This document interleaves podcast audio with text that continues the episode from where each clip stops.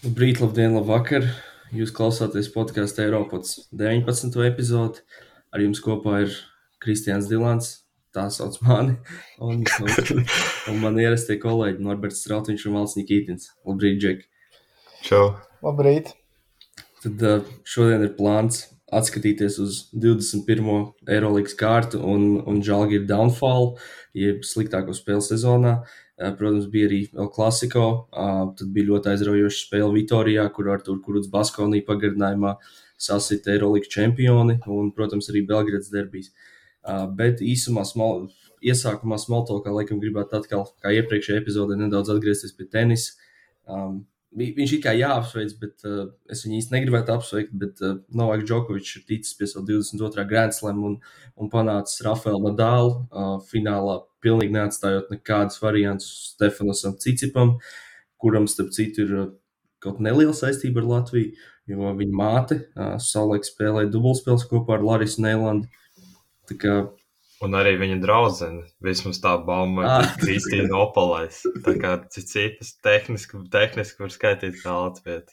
Jā, bet uh, man īstenībā jautājums uzreiz par cik uh, Džokovičam tagad ir 22 Grand Slam, tikpat arī Rafam, kurš uh, Austrālijas Open uh, saulēcīgi izstājās. Uh, man liekas, kaut kāda kājas savainojums viņam bija vai kas. Uh, kā jūs redzat šo, šo cīņu?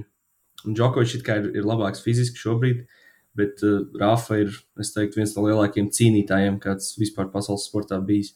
Kā jūs prognozētu? Ja mēs vēl ņemam vērā to, ka nākamais grāmatslams ir, ir Rafas grāmatslams. Nu, es kopumā teiktu, ka gan jau viņa karjeras beigās visticamāk, jau Džokovičs dabūs visvairāk. Nu, es, es tā, tas būtu vienkārši loģiski pēc pašreizējās situācijas. Bet, nu, man, man noteikti labāk patīk Nadals vai Federers, jo Džokovičs pats ir tāds nu, tāds interesants. Un, uh, kā mēs noskaidrojām, tagad arī tēvs viņam pilnīgs kosmonauts ir. Tas ir ļoti maigi, es teiktu. Nu, es, es, ļoti jā, nu, nu, man vienkārši nu, tā, tu, es nezinu, man tas to džokaču izsadzēceļās roku nemaz atbalstīt. Norčs, kā tev? Jā, nē, nu tagad daudz grūtāk. Vispār um, es esmu pēdējā laikā secinājis, ar vien biežāk skatoties, ka serbi ir serbi vienkārši tie, tiešām tā diagnoze. Reāli precīzi, kā, gan politiskos sakaros, gan arī uz basketbola laukumu, nezinu, tā serbu aktieru skola vai kā tur komentētāji teica. Nu, es arvien biežāk redzu tik dīvains visādas izgājienas, un uh, man tiešām grūti atbalstīt. Ir, uh, es atceros, kādreiz es tā kā bišķiņu vairāk par Džokoviču fanoju, jo es biju arī izlasījis viņa grāmatu, viņš tur stāstīja, ka viņam tur bija veselības problēmas un kam viņam bija jāiziet cauri vispār, lai kļūtu par profesionālu un labu tenisistu. Un, kā, kaut kādus arī habits no viņa pamācījos, kā ēst un ko darīt. Un tad kā, izveidojas kaut kāda saikne lielāka nekā, piemēram, citiem tenisistiem, jo par citiem es neko nebiju lasījis. Ja, bet nu, tagad nu, galīgi neceļās roka viņu atbalstīt. Un, nu, redzēsim. Cerams, ka Nadals tad paņems to nākamo. À, es arī gandrīz piemirsu, kamēr mēs esam pašā podkāstā ievadājis. Vēlētos nodot sveicienu mūsu visticamāk vienīgajiem klausītājiem no Āfrikas. Uh, uh, Zambijas, Zambijas galvaspilsētas Lukasas. Tā kā mums tur arī ir klausītāji. Jā, sveicien. sveicien. jā, jā sveicien. Uh, tad, laikam, ko jāķerās klāt, uh, sākam chro chronoloģiski, tad ar, ar El Clasico uzreiz. Nu, jā. Tad droši vien jādod vārds val Valtam. Tā. Svētki būtībā dzimšanas diena. Es pat nezinu, kur ķerties klāt. Man, uh, es, es šo spēli. No es, varu teikt, es varu teikt tā, ka, ka no valda perspektīvas pēc spēlētām 30 minūtēm nu, galīgi neizskatījās, ka būs svētki. Un tur vēl no. parādījās tajās pēdējās desmit pamatlaika minūtēs, parādījās tāds, es teiktu, unlikely varonis, kurš arī šajā podkāstā bieži izpildījis kritiku savā virzienā. Arī burtiski iepriekšējā epizodē izpildījās kritika no manis. Bet tā, nē, nu, es teiktu, pirmās trīs ceturdaļas viņas, nu, ja basketbols spēlē 30 minūtes un to tikai vērtē, tad Barcelona noteikti bija labāk. Jo reāls arī viņi, ja es tagad nejaucu, man liekas, viņi divas vai trīs reizes viņi pat atnāca atpakaļ. Nu, viņi tur Barcelona dabūja spēles sākumā tas kaut kāds plus 9, un tad reāls atnāca atpakaļ, man liekas, trīs reizes, bet tad visas trīs reizes, ja nemaldos, viņiem gadījās tā, ka viņi atnāk atpakaļ, un tad viņi vai nu beidz spēlēt aizsardzībā, vai metu piespēles kaut kur neprecīzi, vai metu ļoti, ļoti sasteigts metienus. Un tad ceturtajā sadaļā viņi arī sāk beidzot aizsardzībā spēlēt, ko bija patīkami redzēt. Bet Barcelona spēlē līdzīgi kā pati Barcelona spēlē ar maziem, maziem spēlētājiem. Ļoti aktīvi strādāja, nelaid, nelaid uz blokiem, neļāva īsti izmantot. Un, un šoreiz, šoreiz viss nosvedāja. Un plus vēl, nu jā, Sergio Juļs. Viņ, viņam viss sākās, es nemaldos, viņa pirmie punkti spēlē bija tad, kad viņš uh, kaut kad 4. ceturtajā viņš pārgāja pāri laukumam un uzmet pilnībā nesakarīgu troju, kas bija vispār neloģiski pēc uzbrukuma, ko 5. 6. sekundē, ja nemaldos. Man liekas, bija vēl ātrāk pat. Varbūt. bija, bija piektā, manuprāt, bet uh, es teiktu, ka tas arī bija tāds uh, negalējais lūzuma punkts, bet uh, tas mirklis, kad ledus tika ielausts un spēle sāka pagriezties Madrids reāli zīmē. Jo tas pirmās trīs sadaļas tiešām man likās, ka Barcelona arī taktiski vienkārši apspēlē uh, reāli visu laiku. Atrod tos mismačus, atrod veidus, kā tikt pie labiem metieniem, labus lēmumus pieņemt. Uh, Šanlī ļoti regulāri tika atstāts brīvs. Es nezinu, reāli to speciāli darīja. Vai, bet Šanlī arī meta garām. Viņš meta garām, strādāja, jā, strādāja, bet būtībā varēja būt vēl trakāk. Un Sergio Juļs vienkārši vāra ziepes visu spēli. Un, uh, nav izcēlējis ar pilnīgi nevienu pozitīvu darbību līdz tam trakajam metienam. Tad man vienkārši liekas interesanti, ko tu kā spēlētājs domā galvā, ka tu pēc reālā laika, nevis basketbola laika, pusotru stundu esi bijis vienkārši ļoti, ļoti sūdīgs. Un tad tu pieņem lēmumu, ka labi, es tagad nākšu, metīšu trakos tālos, un pēkšņi viņi sāk krist iekšā, un tu esi mačs varonis. Un arī Mārtiņš Gulbs teica, ka neviens jau neatcerēsies tās pirmās cet trīs ceturdaļas, jo Sergio Juļs tagad ir uh, Red Bulls atzēries un uh, gatavs izvilkt spēli, un tas arī notika.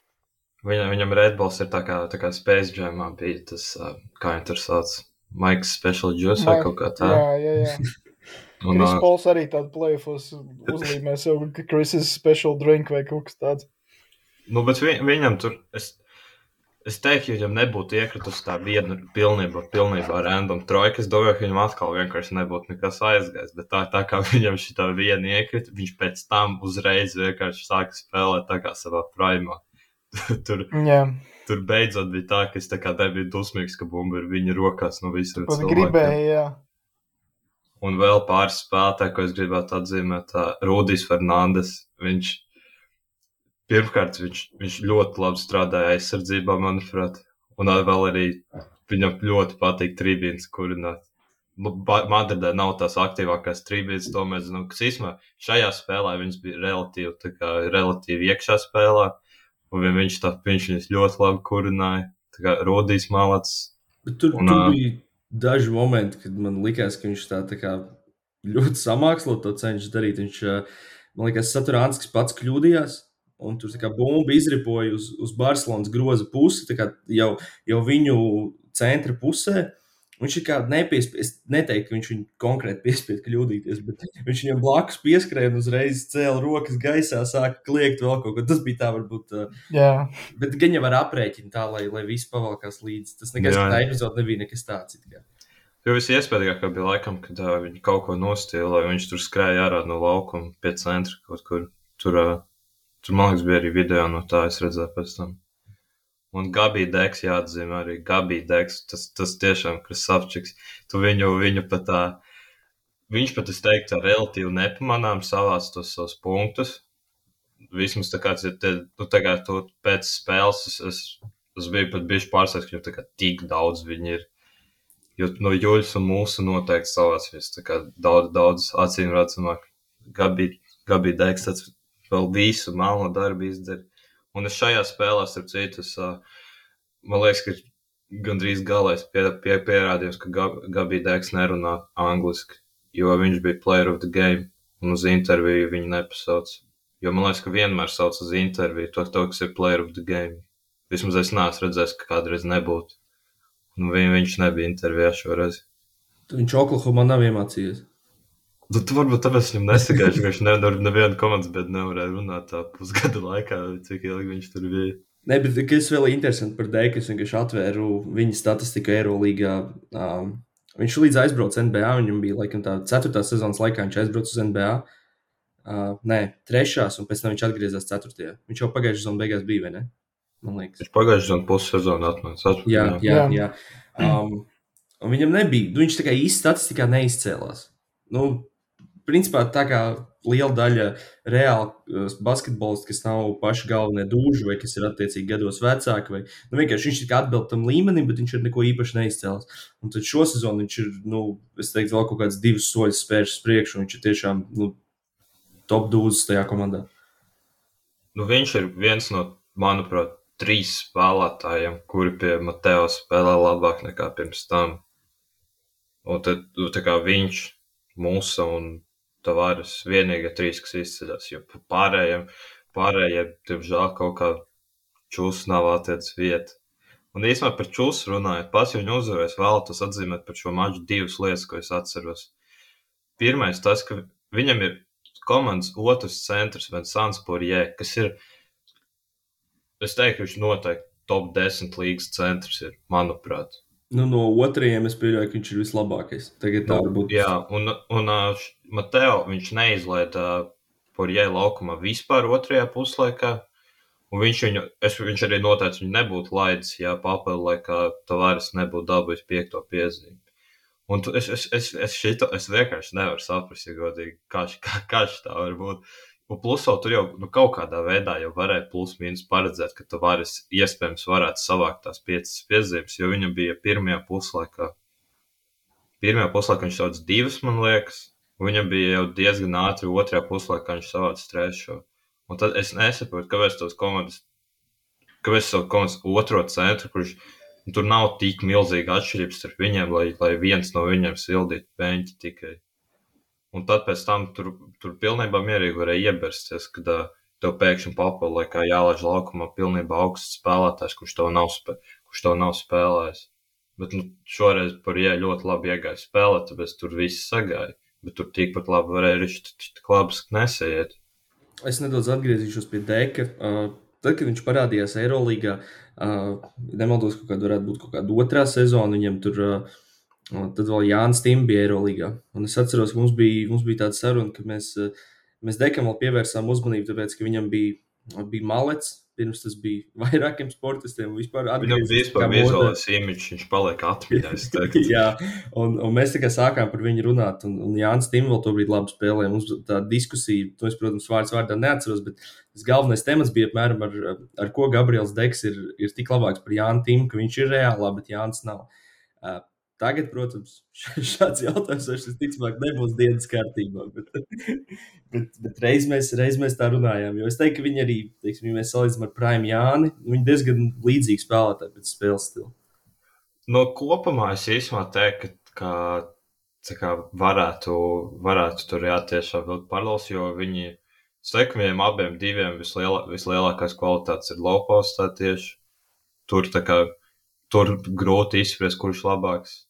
Un tad Jānim ir labāks metiens noteikti par deku, vai bija, nu, visticamāk arī ir. Es pat par šo nebūtu tik drošs, jo Tā cik atceros, vizuāli man noteikti labāks, bet uh, liekas- statistiski pat nevar zināt. Jo Jānis, man liekas, bija tā ļoti lielā pārliecība, ka viņš ir labs metējs, bet man liekas, ka statistika īsti šo neapstiprina. Ah, nu, iespējams. Un Dekam ir noteikti labāks caurgājiens kā Jānim. Un, un drībls un viss pārējais. Principā, jā. Es teiktu, ka Jānis ieliek metienu un posts ir aptuveni līdzīgs, bet visās pārējās basketbola lietās Deks labāks. Nu, viņiem vēl ķermeņi pēc izmēriem, man liekas, plus mīnus līdzīgi. Es tieši to pašu gribēju teikt, viņam arī tāda tā kā stāja. Es teiktu, ka ir līdzīga, un viņiem abiem tie šorti parasti ir uh, uh, mazliet uh, zemceļi, tā kā līdz pat tīkriem stiepies, tā kā tāda garāka šorti. Un, uh, nu, es viņus abus vienkārši tādos garos šortos redzu parasti. Bet Gabija Dekam nav fitspējas app. Tas, gan. tas, tu, tur Jānis tas ir izšķirošais faktors. Jā. Jā, šeit, jā, un plus vēl Tiebreakers. Gabija Deks, cik es zinu, viņš nav spēlējis ar Delantelu Mičenu un Bēma Bajo. um, tā vēl kaut kas par, par šo maču, vai Ah, Un vēl ko es gribēju vēl par treneru pateikt. Tā papildu laikā pašās beigās bija rezultāts. Es atceros, bija plus septiņi laikam. Un uh, pēc tam reāli nokļūdījās, un Barcelona reiz iemet uz plus pieci. Un tad uh, es atceros, tad, ja es nemaldos, Mateo paņēma timeout. Un uh, timeoutā, pēc timeouta šitie Barcelona lika trēpa ķīpa, jo tur bija, tur bija 5 punktu starpā, uz 30 sekundes papildu laikā. Un Čusam Mateo nebija ienācis prātā to, ka Barcelona varētu uzreiz, piemēram, uzreiz nesis sodu. Jo tur, tur tā kā varēja redzēt, ka viņš bija ļoti acīm redzams pateicis spēlētājiem, ka viņam uzreiz sitīs sodu, un tad viņi arī pazaudēja bumbu vēlreiz. Tieši deks, ja nemaldos. Bet tur, tur es teiktu, ka tur Barcelona galotnē ļoti izpalīdzēja. Mīrotičs nospēlēja vienkārši katastrofāli. Gan, gan pamatlaika galotne, gan papildu laikā. Pamatlaikā arī es atceros, ka bija reāli pēdējais uzbrukums. Man liekas, viņiem bija kaut 21 sekunde palikusi uz, uz, uz, uz tablo un neizšķirs rezultāts. Un uh, Juļs nosteigāja. Tajā brīdī viņš aizmet telefonu pa sienu aiz dusmām. Jā, var iedomāties. Uh, vēl viens mirklis, kad es iedomājos par tevi un domāju, vai tu met telefonu pret sienu vai nē, bija tā tā varas piektā piezīme. Es teiktu, ka tā bija tāda nu, nesimtprocentīga piezīme. Ir Otičs vienkārši iegāja kontaktā, cerēja, ka nosilps un nosilpa arī. Un, uh, uzreiz, uh, kurš gāja atzīties uh, noteikumu pārkāpumā, tas bija Marija Hezoņa.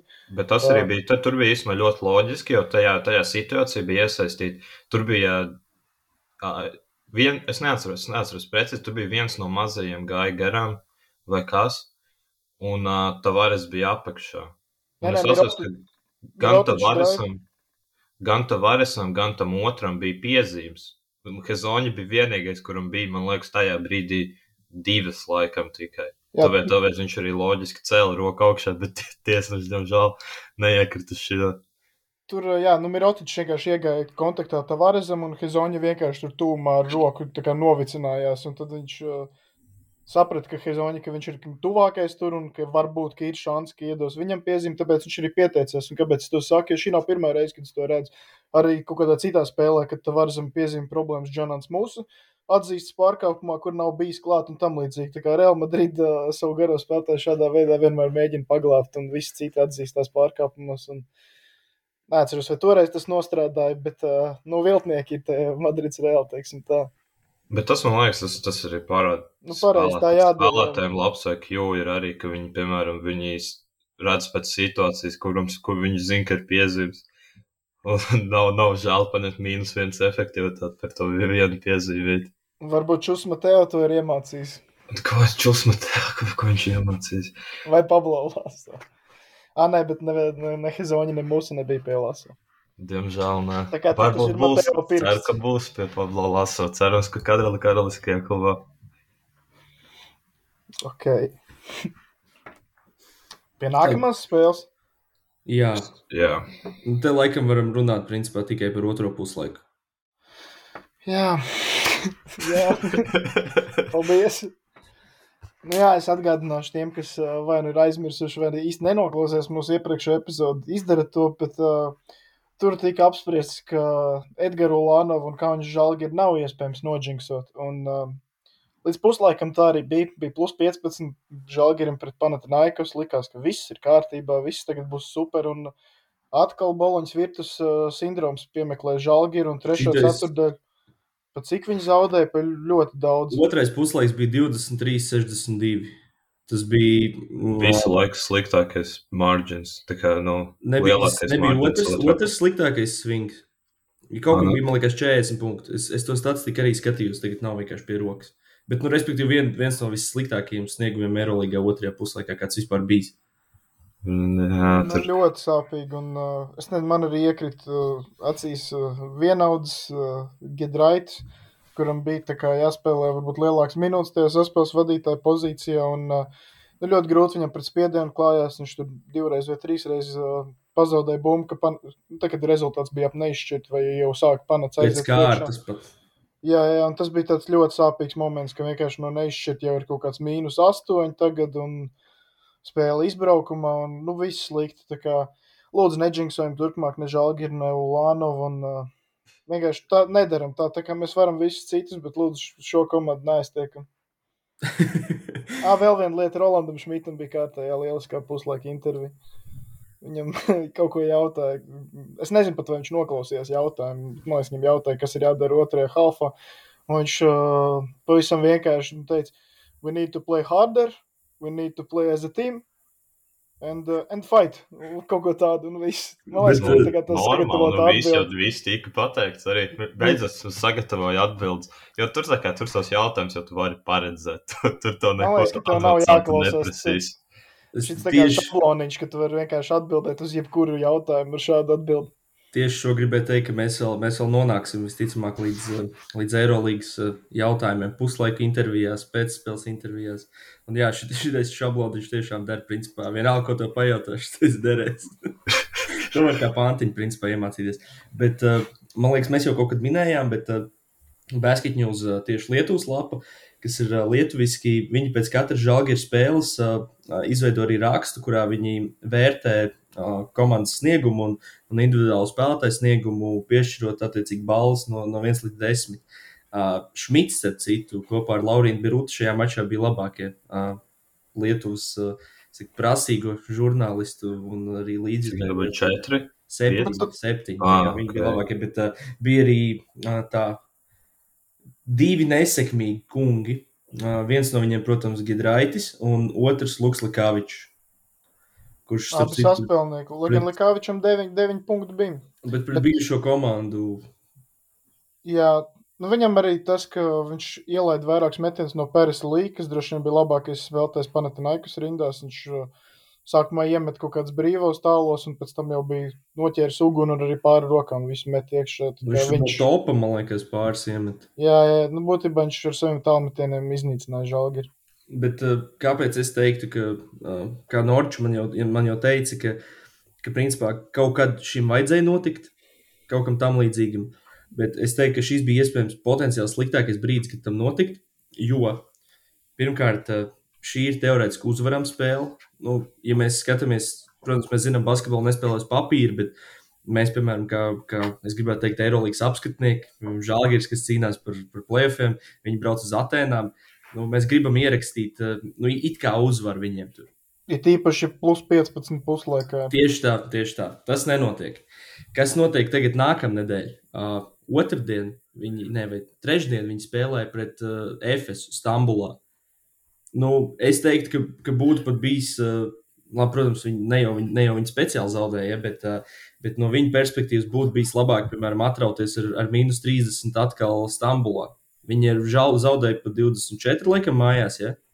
Jā, bet lai gan uh, bija šī diskutabla, jo FS šobrīd ir, laikam, viņi atkal zaudēja, par ko mēs parunāsim, un viņi ir, um, FS mēģina noķert tabulā žālgi, un, uh, teiksim tā, labāk ir zaudēt Panatam nekā FSam, jo Panatanaikus tāpat neapdzīs žālgi tabulā, bet FS gan varētu. Nu, bet tev nu, tāpat vajag tās uzvaras dabūt. Nu, jā, jā, bet labāk, lai- dabūt, lai tiktu plēfos. Tur, tu, tur Tā- tā, viņi ir viens uzvaras attālumā, lai no devītās vietas, lai viņi tur Nu, nebūtu. tā ir taisnība, bet labāk uzdāvināt uh, Panatanaikosam uzvaru nevis FSam. Jo FS būs konkurenti, Bet, Panatanaikus nebūs. bet viņa FSU, nu, būsim godīgi, ir ļoti maz iespēja, ka viņa FS uzvarēs divu spēļu summā, kas, piemēram, notika ar Zvezdu. Nu, tas, tas jā, bet vienkārši uzvar jādabūt. Divu spēļu summu nebūs, tas Bet skaidrs. skaties, kāpēc tas vēl ir slikti? Tev ir uh, Gidraitis, kurš ir Eirolandes rookies.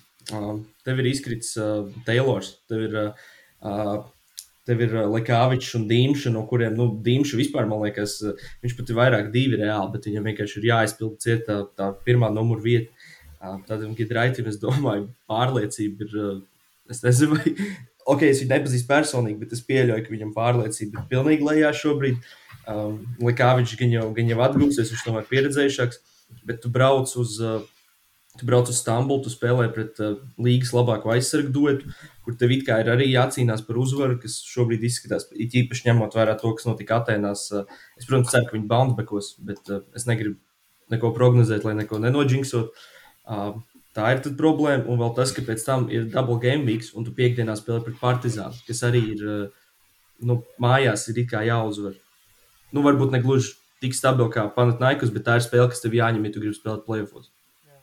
Un tā kā ļoti, ļoti, es teiktu, ļoti sliktā brīdī notika šis sāpīgais zaudējums. Jā, piekrīt. Es arī esmu skeptisks par to nākamās nedēļas spēli pret FS izbraukumā, jo tagad FS arī pēc zaudējuma Baskonijai. Nu, FSam ļoti vajag sākt uzvarēt kaut ko, un, uh, nu, būs, un izbraukumā tiešām ļoti grūti pret uh, tik uh, talantīgu komandu kā FS. Jā. Bet žēlgājiem cerēsim. kaut kādā ziņā diezgan nu, nedaudz veiksmīgi ir tas, ka EFS vismaz aizsardzībā nespēlē. Tā kā Tas visam komandām ir veiksmīgi. Varbūt būs vieglāk centram pāriet pāri. To- Tas vismaz varētu būt patīkami. Vismaz Jā. tiks uzbrukumā. Tikai jāiemet. Nē, bet tur es saku, man liekas, tā var būt problēma. Tīri tāpēc, ka šobrīd ir nav īsti labas opcijas starp mazajiem. Nu, ja viņi uzsāks kaut kādu skriešanos ar FS, FS var mierīgi 100 punktus iebērt viņiem. Jā. EFS, EFS ja viņi ļoti gribēs, varētu arī 120 viņiem iebērt. Tas nav- Tas tā kā nav tik nereāli. nu, žēl, žēl, ka viņš labi sitās aizsardzībā, bet, nu, jebkurā gadījumā. Man liekas, ļoti, ļoti grūts, grūts periods. Uh, Mēs jau par šo arī runājām, bet uh, nu, ko jūs darīt? Jūs parakstīt kaut ko? Nu, it kā tev, jā, tev, tev Nē. nav īsta opcija, ko parakstīt, bet uh, kaut Nē, nu, tā kā, ja viņiem būtu, ja tā būtu komanda, kurai būtu kā vairāk naudas, tad es teiktu, ka jā. Bet nu, vienkārši skatoties kā uz reālo dzīvi, pirmkārt, viņiem es neticu, ka viņiem nauda, otrkārt, viņiem nav arī tik milzīga jēga, jo nu, pret EFS viņiem nav spēlētāji, ko viņi parakstītu, un viņi varētu pēkšņi cīnīties ar EFS par uzvaru. Vienkārši nav tāda, nav tāds pieejams, vai arī, ja būtu pieejams, viņi nevarētu viņu atļauties. Nē, nu, es kaut kur komentāros redzēju, ka, man liekas, vai tas bija sporta centrā vai, vai Twitterī, kāds bija rakstījis, ka jāizpērk Arthurs Žagars. nu, tas... Nu, es domāju, šobrīd, redzot, kā viņš spēlē, es teiktu, ka viņš būtu labākā opcija starp mazajiem. Tas, protams, ka viņš ielicis uzreiz nebijuši augstā līmenī un tā tālāk, bet uh, tīri uz papīra es teiktu, ka šobrīd viņš būtu labākā opcija starp žēlgājas pieejamajiem mazajiem. Nu, viņš Nu, droši vien te- driblē labāk par jebkuru citu mazo. Nu, viņš žalgiri. tehniski Tas būtu, bet tas, tas, ir, vi- tas viss tiešām ir uz papīra. Jo nu, tur, tur burtiski viņš nav spēlējis tur, un tad pēkšņi vienā brīdī, un tad vēl, vēl ielikt tādā pozīcijā, ka tev vajag obligāti taisīt rezultātu. Tas, tas, tas būtu nereāls smaga situācija. Tā, vēl kaut kas šeit. Nē, es vienkārši gribu teikt, ka Žalgiris aizvada iespējams sliktāko basketbalu puslaiku, kas jebkad mūžā esmu redzējis. Tur, tur. Nu, nu ir, ir daži, daži jaunatnes līgas puslaiki, kas iespējams Jā, jā, jā, cīnītos es ar šito, bet, es bet nav gribēju ļoti tālu no tā. Tad varam pārcelties uz nākamo dienas piekdienas mačiem. Jā, Ā. Belgrads derbijs. jā, tas bija pirmais. Tad mēs varam uzreiz būt uh, off-topikā nedaudz par Matijas Lesortu. Varbūt vēlaties pastāstīt vēl. Tev tomēr ir šis incidents. Jā, Matijas, Matiesam Lasortam ā, kaut, kā, kaut kāds no partizānu faniem, ja es nemaldos, viņš bildināja savu, savu nu, tagad jau sievu partizānu spēlē tieši, cik es saprotu. Un partizānu spēlē viņš pajautāja Lasortam, vai viņš negrib būt viņa. Kā, kā, es- Vedēja tēvs. vai- Vedē, jā, vedēja tēvs. Un Lesorts piekrita. Un tad, tad, tad šajās brīvdienās arī pienāca, pienāca šīs kāzas arī beidzot. Un Lesorts arī bija ieradies. To, tomēr, ja jau tā teikt, vīrs un vārds. Viņš atnāca, bija viss, tur, tur bija bildēs, arī pie galda sēdēja. Un izsēs tiešām, tiešām ļoti patīkami. Un um, Lesortam, Lesortam izsēs, ka viņam kopumā, ja godīgi, ļoti patīk Belgradā un konkrētāk Partizānā spēlēt, jo viņš arī iet pie tiem faniem regulāri. Viņš pie tam Un- pats pirmais skrien pie viņiem parasti. Jā, Jā. bet vispārējā komanda arī parasti pievienojas. Bet viņi tādi kūtrāki. Tur nav tā, ka tur kaut kāds uh, serps, es nezinu. Nav tā, ka kaut kāds Avrāmovičs tur pirmais aizskrien. Reāli sorts Jā. ar to savu enerģiju milzīgo. Nu, Lesorts kā zivs ūdenī tur jūtās. jā. Losortam, tur viņam, man liekas, viņam, viņam, viņam partizāns tiešām fantastiska vieta. Pirmkārt, viņu, viņu fani viņu mīl, un plus vēl viņš, viņš pilnībā citā līmenī sev pacēls. Ja salīdzinām ar to, ko mēs iepriekš no viņa redzējām, viņš partizānā lieliski spēlē. Viņš, es nemaldos, vēl joprojām viņš ir vienīgais spēlētājs visā Eirolandā, kurš visās spēlēs savāds vismaz desmit efektivitāti. Šajā spēlē, man liekas, arī bija. Arī ap 20 kaut kas bija. Šeit, jā, 19 efektivitāte. Tā kā Lasartam tiešām ir fantastiska sezona, vēl kāzās ir pabijis. Tiešām viņam, viņam, viņam lieliski, lieliski iet Belgradā. Es nezinu, vai jūs redzējāt, bet uh, pašā spēles beigās uh, Eksams iemet abas sodu metienus un, uh, principā, izšķīra spēli. Tur bija 4 punkti starpā, kaut kādas mazāk kā 10 sekundes. Uh, Nedovičs pārgāja pāri un iemet tālmetienu. Jā, Jā. Un uh, pēc tās viņa ķermeņa valodas izskatījās, ka uh, viņš bija īsti neizpratnē. Man liekas, ka viņam likās, ka starpība bija trīs punkti, un viņš panāca overtime. Nē, man, nē, man liekas, ka tas bija, tas bija tāpēc, ka viņi uzvarēja head to head. Jo pirmā. Ah, jā, jā, spēli jā, laikam ok, jā, uzvarēja, tad Tur divi viņš arī iemet beigās. Jā, Bet uh, runāt par Nedoviču, pirms spēles uh, Cervenas zvezdas uh, fani bija sagatavojuši tādus tā kā plakātus par godu partizānu faniem, ka um, iesaku šito pastīties Basket News uh, YouTube kanālā. Viņiem ir tur regulāri visādi 3-4 minūšu video par spēlēm un ar ārpus laukuma lietām arī, kas ir interesanti skatītāji. Un tādas lietas, ka priekšmets, starp citu, arī galotnē šajā spēlē li- lidoja uz laukumu. Bet pirms spēles bija tie plakāti, kur ir ā, būtībā balts fons un ā, melns, melna tā kā ēna ar rokām aizliktām aiz galvas, ka pārdzīvo. Un, uh, tā bija bilde no iepriekšējās spēles, kad Nedovičs uh, iemet šajā derbijā izšķirošo metienu un visi partizāni fani um, aiz bēdām kā rokas lika aiz galvas. Un tad uh, tagad Cervenas fani bija sagatavojuši šos plakātus, lai viņus čakarētu. Un, Un, uh, nu, izties ļoti, ļoti iespaidīgi. Nezinu, cik tur tūkstoši skatītāji tur šos plakātus. Un uh, Nedočs pats tā kā smīkņēja pirms spēles bija ļoti apmierināts par to, ko viņš redz tribīnēs. Un arī jau spēles pirmajā uzbrukumā Nedočs izskrēja, iemeta tālmetienu un viss ar vienu eksplodēja būtībā. man īstenībā, man ir godīgi tās iespējams sagādā vēl lielāku prieku, ka Partizans uzvarēja. Jo, nu, man, man, man tā kā, es neesmu vispār serbu fans, bet Zvezda ir krietni serbiskāk nekā Partizans. Tā kā vismaz spēlētājs ziņā, tāpēc, man viņi daudz vairāk besīja ārā. Jā, uh, jūs atceraties, man liekas, ka Oļegs Latvijas tiesā šo spēli vai ne? Jā, Jā, viņš bija- bija otrā, otrā darba Tiesnešiem cepās nereāli daudz, gan zvezdas fani, starp citu, es redzēju, partizānu fani arī cepās tieši par to pēdējo, pēdējo Nedoviču trojku.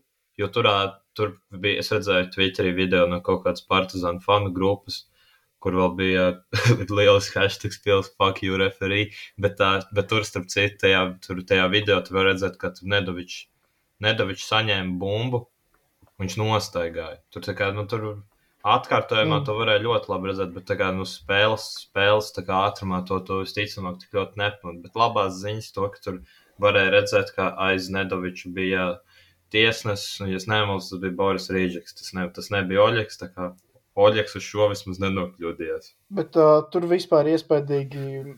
Um, tad, kad uh, es tagad mēģinu atcerēties situāciju, uh, cer, laikam bija jā, pirms eksuma soda metieniem, plus divi partizanam un partizanam bumba. Partizanam jāizmet galauts. Un uh, Dobričs sēdz eksumu, un tiklīdz ir uh, neliels kontakts, uh, Dobričs krīt uz zemes un rāda, ka viņam pa seju būtu iesists, ja, lai uh, šādā veidā atņemtu bumbu. Bet, uh, Tiesneši neiekrīt, uh, Oļega Latvijas arī nevar apmuļķot ar šādām lētajām serbiskajām darbībām.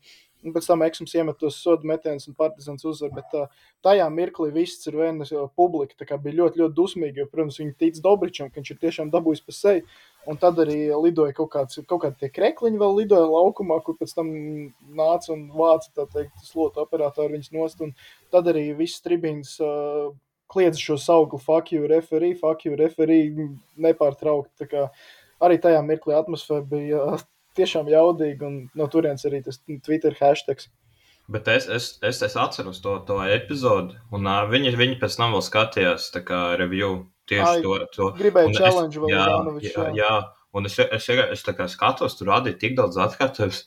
No, es to visiem leņķiem es tā kā nevarēju saslēgt. Kur, kur viņi vispār, kur tur pat varētu izdomāt uzbrukumu piezīmi? Jā, jā, nebija variantu pat, ne, vispār. pat tuvu nebija nekam tādam.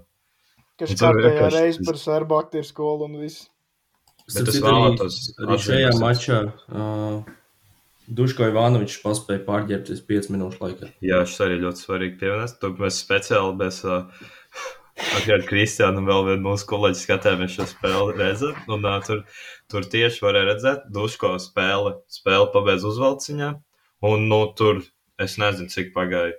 8 minūtes, nu, nebija 10 noteikti. Jo komanda pati vēl palika laukumā, aplaudēt faniem. Viņi Jā. tur diezgan ilgi bija laukumā, komanda. Un viņš aizbēga prom, lai pārģērbtos. Jo tu Jā, nevari Duško to interviju interviju. uzvelkt, ka tas ir aizliegts. Nē, nē, intervijā vajag obligāti treniņu tarpā un zelta pulksteni. Tā kā fizikam. Bet es vēlos īstenībā šeit atzīmēt arī Zeks Līdais. aizdzīt lielisku maču. 4-5 trojkās arī.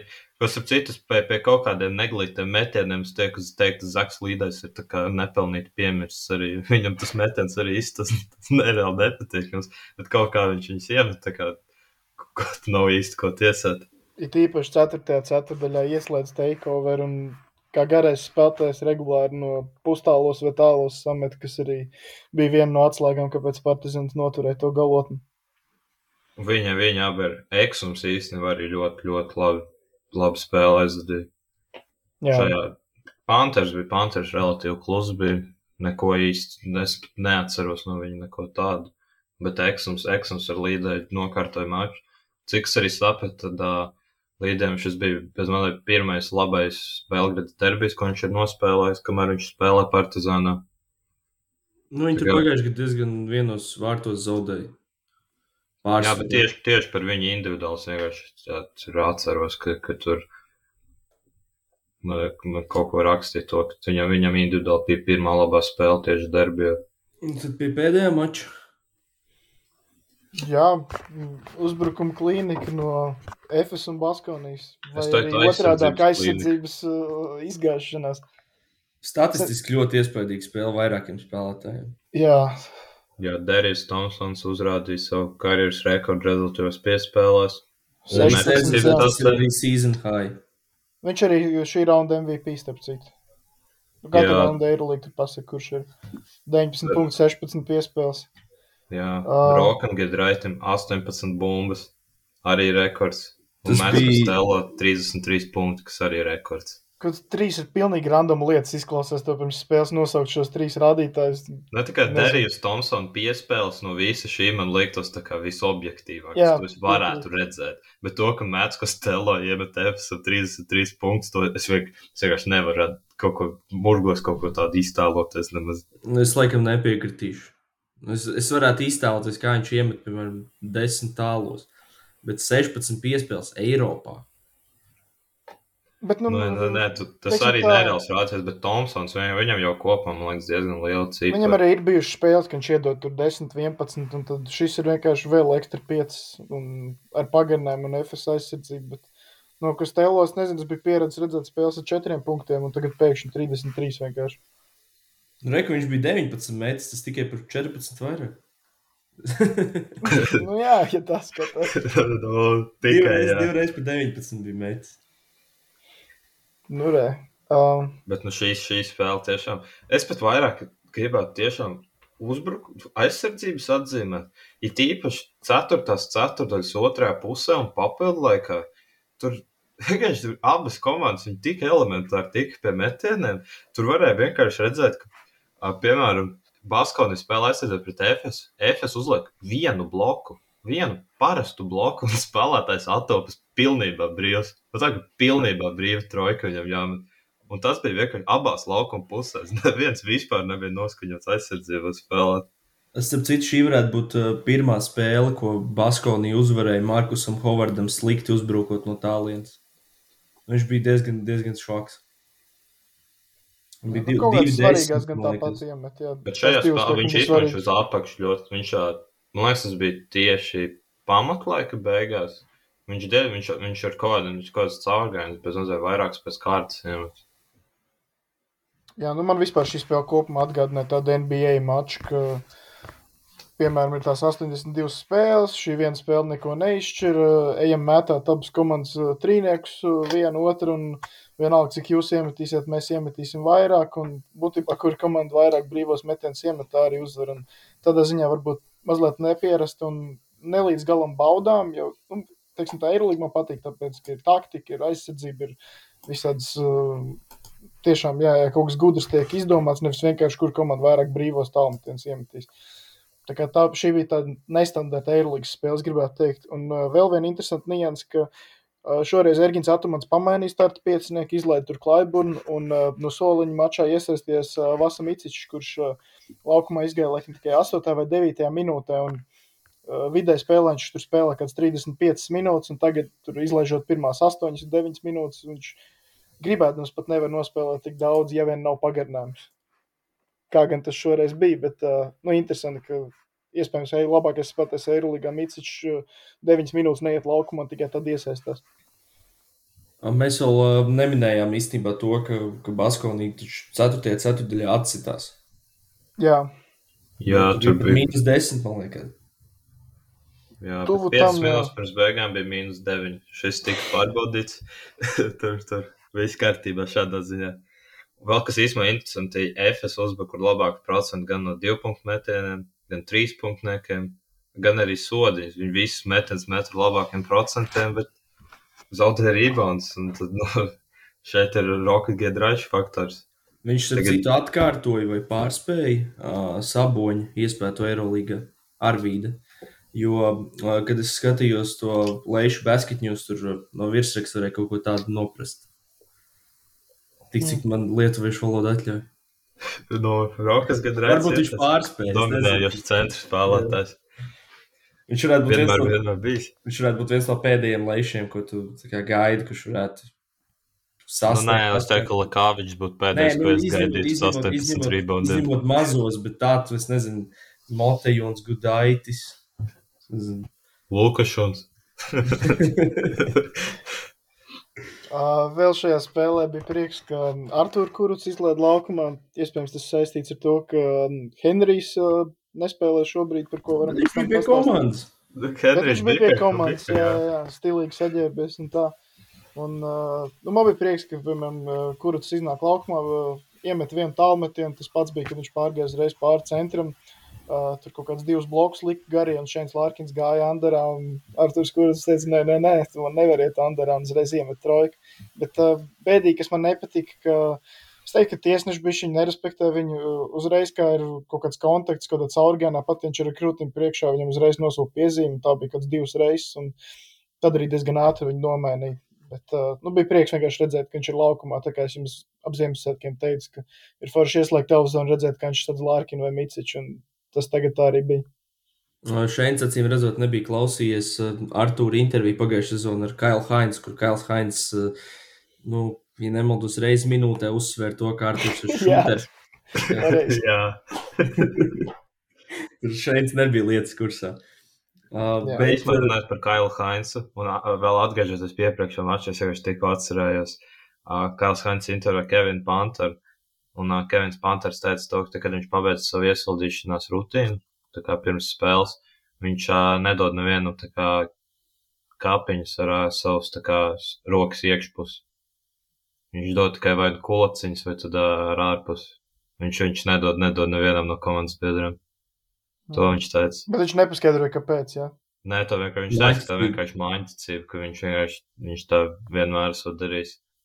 Un uh, kā, viņi ar Kailu Hainsu vēl spēlēja kopā Milānā, un uh, Hainz teica, ka viņš nebija neko tādu nemaz pamanījis. Tā kā Ah. šis to Panthers bija labi noslēpis. Tā kā jūs gribat, lai Kevinam Panteram slikta spēle, tad vajag dabūt, lai viņš iedod kādam kapiņu. Tu Normāli. vari viņu apčakarēt, tā kā, tā kā viņš negaida, vienkārši iesist viņam plaukstā to piecīt. Bet uh, paturpinot par Pieriju Henriju, jā, tā kā teica, no viņš bija stilīgi saģērbies. Tur gan izskatījās, ka viņš centās maskēties no kamerām. Tas nekas, ka viņš sēdēja kopā ar, man liekas, Sedekerski. Uh, kopā Baskovnijas soliņa galā viņš bija kapucē tā, lai, lai neviens nepamanītu, ka viņš tur ir. Pēc tam viņš Neviens arī- nebūtu iedomājies, ka tas Nē, viņš, ja tas- uzvalks kāpats, nevar atpazīt vispār. Nav Jo, iespējams. jo līgums bija, līgums bija, ja nemaldos, iesaldēts, pārtraukts. Um, un viņi jau ir atraduši viņam aizstājēju. Es pieļauju, ka tur vienkārši ir kaut kāda izmeklēšana, notiek, ko Henrijs tur ir, ir noziedzies. Bet uh, Baskonijā, es domāju, viņš vairs nebūs un ir parakstīts Maks Heidegers. Mm. Nu, varēja jau kurucam dot tās minūtes, Henrij. Bet, Jā, ā, es vispār Viņam par jau Henriju vienkārši pateicu- tas, ka viņi jau grib tomēr, nu, tagad, tagad būtu jā, neloģiski netemēt uz tiem plēfiem, un tad nu, kaut ko jau to tomēr būs, un godīgi to vajag Nu, paredzēt. droši vien, jā. Bet uh, Henrijs tajā kapucē sē- sēžot un maskēties no kamerām, piemēram, blakus viņam tur liela vīra, kaut kāds Sedu Kerks un pieņemsim Kostelo. Nu, Henrijs izstāsta par tādu mazu gangsteru un Sedu Kerks ar, ar Kostelo pēc tā kā viņa apsargiem lielajiem. Es teiktu, mēdz, ka stēlā iestājas pēc sevis pārāk labsirdīgs, lai viņš būtu apsargs. Bet viņš vispār nav īstenībā šis tas ievērojis. Viņš uz laukuma dažreiz viņš nu, uztais kaut ko ļoti rupju episodu, ļoti asi nospēlē pret pretinieku, tā ka tur iespējams pat var notraumēt pretinieku, un pēc tam viņam iedod piezīmi, viņš griežas pie tiesnešiem, viņš kaut ko saka, ko tur jau nekas nebija, kas tas tāds bija un kas, kāpēc tas vilp. Un Tur vienmēr viņš tas pārsteidz. Es nezinu, man, man kaitina. Es parasti apzinos, es kaut ko rūpīgi izdaru, bet nezinu. Viņš tas Viņam pats vienalga. Brexit basketbolists. Bet viņš Normāli. varētu, viņš varētu būt tas uh, kaut kāds oficiāls darbinieks biznesa centrā, kurš samērā augstā līmenī brīvajā laikā aizraujas ar crossfit. Viņš, nē, nu, es mēdzu, ka Stelo arī viens no viens ir vairāk tādu kadru, bet viņš man liekas ļoti izteikti. Tā kā, ja tu ieraudzītu, labi, viņš garš ir, bet, ja, piemēram, viņš sēdētu, tu viņu ieraudzītu, nu, tu nekad mūžā nevarētu pateikt, ka viņš ir basketbols. Nu, vienkārši tas nebūtu iespējams to uzminēt. Nu, Vēl viņš varētu to kafiju pasniegt kādā, kādā kofiju šopā. Jā. Tā, tas arī ir variants. O, Bet mēs varam par Maksu Heidegeru parunāt. Uh, Es viņu atceros uh, pagājušā sezonā Champions League. Oldenburgā bija redzējis. Um, Baigais skorers. Uh, viņam īstenībā līdzīga karjera kā Rihardam Lomažam, tikai drusku mainītām vietām. Uh, viņš pagājušā sezonā bija Oldenburgā, un šo sezonu viņš ir bijis Merkis Efendi līderis, kur Lomažs atkal spēlēja pagājušā sezonu, un uh, tagad viņš būs, uh, būs uh, Baskonijā. Un, piemēram, šāds džeks būtu lieta noderējis Žalgiri, manuprāt. Nu, bet viņi jau izdarīja savu ar Tayloru, Polonāru un Nē, es domāju, tagad pēc, finansēm. pēc, pēc Taylor traumas, jo, ja nemaldos, uh, viņi Heidegera announceoja vakar. hmm. Nu, jā, bet tad tev vienā brīdī tad tev attapsies, tad, ā, ja, piemēram, Taylors, tad nebūtu tad Taylors, Heidegers un, nu, viņiem un gan jau arī, Lekavičs. Gan jau arī nav tā kā viņiem- Panatinaikusam vai Serbiem, kam nauda vienkārši bez limita ieplūst iekšā, tomēr, lai šiem ir kā ir. Nu, es, es neteiktu, ka tā būtu nenormālākā problēma, ja viņu aizsarga rotācijā uzrastos vēl viens kaut cik solīts aizsargs. No Nu, nē, nu, vienkārši tur, tur noteikti, jā. tiešām tur vairāk tās, man, man liekas, ka tas ir naudas jautājums. Nē, protams, ka naudas jautājums. Tā jau Heidegers Runājot par naudu, runājot par naudu, Panatinaikas šefs ā, Dejans Radoņš ar neierobežoto naudu. Viņam bija visi, visi pasaules basketbols pieejami, viņš, viņš parakstīja Metu Tomasu. Kā, Vai Tas- viņš jau ir tas- izziņots? ā, es īstenībā nezinu. Bet, nu, tur, cik es saprotu, visur tiek teikts, ka tas ir viņš. Nu, šabāz nepieru vismaz izziņoja Milānu. Kā tur, tur ir 100% skaidrs. Kāds viņam, kāds mainīs viņu šo sezonu? Nu, Visticamāk, nekā. Tur es ne, nezinu, kas tur. Tas ir interesanti, jā, kāds tad ir viņa mērķis. Nu, gan jau Kāpēc? viņš vienkārši grib Itāliju mierīgi uzvarēt. Ā, nu, varbūt. tas, tas varbūt viņam vienīgais mērķis. Un Eirolīgā tur, man liekas, es nezinu, cik tev jābūt delusional, lai tu domātu, ka tur tev vēl kaut kādas iespējas ir. Nu, es neteiktu, ka šabās Snipers pēkšņi ļaus viņiem mierīgi izcīnīt titulu Itālijā. Nē, nē, es teiktu, tas vienkārši tā kā palīdzēt, ja par domu palīdzēt. Nu, tad, protams, es tev ne, nenodrošinu titulu pēkšņi. Tas, tas arī loģiski. Tad nu, ķeramies klāt epizodes lielai tēmai, kurā parunāsim par Eirolandes kā organizācijas failiem un, uh, un arī kaut kādām uz mūsu norādītām problēmām, daļai sniegtiem atbildēm no, no Eirolandes CEO Maršala Glikmana, kuram, kurš bija pagājušajā nedēļā intervijā pie, pie Donāta Urbona. Un citu šo basketņu dūzi arī gribētu paslavēt par to, ka, ka viņš šīs sezonas laikā ir nointervējis praktiski visus lielākos grandus Eirolandā. Jā, arī bija, bija Sašs Vezenkovs, atceros tagad, un, un Korijs Higgins. Bet, nu, Korijs Higgins ļoti, ļoti negribīgi runājās tur. Negribēja viņš tur īsti atrasties. To viņš arī pateica. Arī tā intervija bija ļoti īsa, un cik es saprotu, tur arī viņā beidzās ātrāk nekā bija plānots. Jo, jo Higgins negribēja runāt. Domāju, jā, interesanti, jo bija 11 minūšu intervija, un parasti ir nu, kaut kāda pusstunda vismaz. varbūt bija daudz kas jāgriež ārā un tā, bet uh, jā, Higgins teica, ka viņam nepatīk social media un afišēties un tam līdzīgi. Un uh, lieta, ko es nezināju, ka, viņš ir, uh, ka viņa, tēv, viņa krustēvs ir Maikls Jordans. Es pirms to nezināju un uzzināju tajā intervijā. Un tā kā viņš iemet Higgins uh, Final Four pret Milānu, kad divus gadus atpakaļ izšķirošo metienu pustālo uz uzvaru, tad uh, viņš arī teica, ka būtībā no viņa tas tiek gaidīts. Jo tā, kad tas ir Maikls Jordans krustdēls, tad tas nav nekas uh, jauns vai pārsteidzošs. Tā vienkārši tam ir jābūt. Un, uh, Maikls Jordans viņam arī pēc spēles vienkārši uzrakstīja vien- vienkārši izziņu, good game, good shot. Tas arī viss. Tas vēl viņš tik savu bija skatījās. pāris dienas vēlāk. Viņš neaizstājās, es ticu, cilvēku. Nu, Jā, laikam, lai neiztraucētu tur finālā un tam līdzīgi. nu, es pieļauju, ka viņš tajā laikā tad Maiks spēlēja vai nu golfu vai gambloju. Nu, tas ir, Protams, liekas, jā. divas galvenās lietas, ko viņš Nu, dara. Tur vienā labi vietā. šāds trāpīt. Vienā rokā noteikti es bija, vienā rokā noteikti bija cigārs. Es kaut kad, es īstenībā, šis, atkal desas, es kaut kad uh, Twitterī redzēju kaut kādu džeku, kurš uh, tur bija, tur atkal pacēla jautājumu, cik kā Jordans averageot, ja viņš spēlē tagad, tagad NBA. Un tur vienkārši atbildi, ka visticamāk nekad, jo tagad, ne cik, jo tagad, tagad vienkārši gamblings ir tik viegli pieejams telefonā. Visi to var ļoti ātri darīt. Tas Maikls visticamāk neko nemest. Bija vēl kaut kāda anekdote, kad, um, tur, piemēram, Brazīlijas tur visu laiku labākajiem futbolistiem, tur Pelē un pārējiem kaut kad sen jautāja, a, kā būtu, ja jūs tagad 2000. gados, tur, piemēram, spēlētu pret uh, vienalga Vācijas izlasi vai ko, kāds būtu rezultāts? Un viņi teica, nu, nu mēs uzvarētu 1-0, un tad uh, intervētājs viņam jautāja, tikai 1-0? Un viņš teica, nu, vispār jau mēs veci esam, mums visiem pār 60, tā kā ar 1-0 būtu pietiekami. Šis pats bija arī tieši ar pašu Jordanu, liekas, ar uh, Bulls. Tā kā bija par Bulls un Golden State diskutējām, liekas, viņš ar tur bija aptuveni tāds pats, ja, cik es atceros. Bet man tā. tas- Labi, tad atpakaļ pie Eirolandes failiem. Jā, nu tad uh, es domāju, darīsim tā, ka ķeramies klāt uh, failiem un tad paralēli kaut kā to, to glikmanu interviju iesaistīsim. Bet uh, no failiem es gribētu sākt ar visnesenāko, kas bija nu, arī īstenībā viens no vislielākajiem. Uh, Eirolandes Final Four biļets Kaunijā. Es zinu, ka tev, Norbert, bija pieredze ar šo.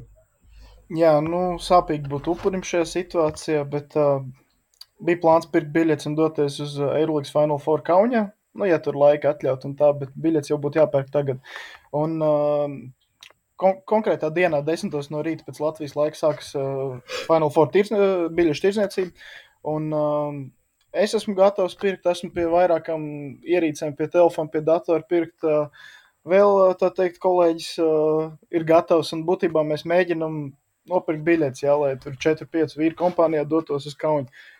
Un uh, nu, tas vienkārši fails. Tu pirmkārt, tu, tu sāc pirkt biļetes īstajā minūtē. Tas nav, ka tu dienu vēlāk uh, izdomā, ka tu tomēr vēlēsies. Tu no pirmās sekundes esi gatavs nopirkt savu biļeti.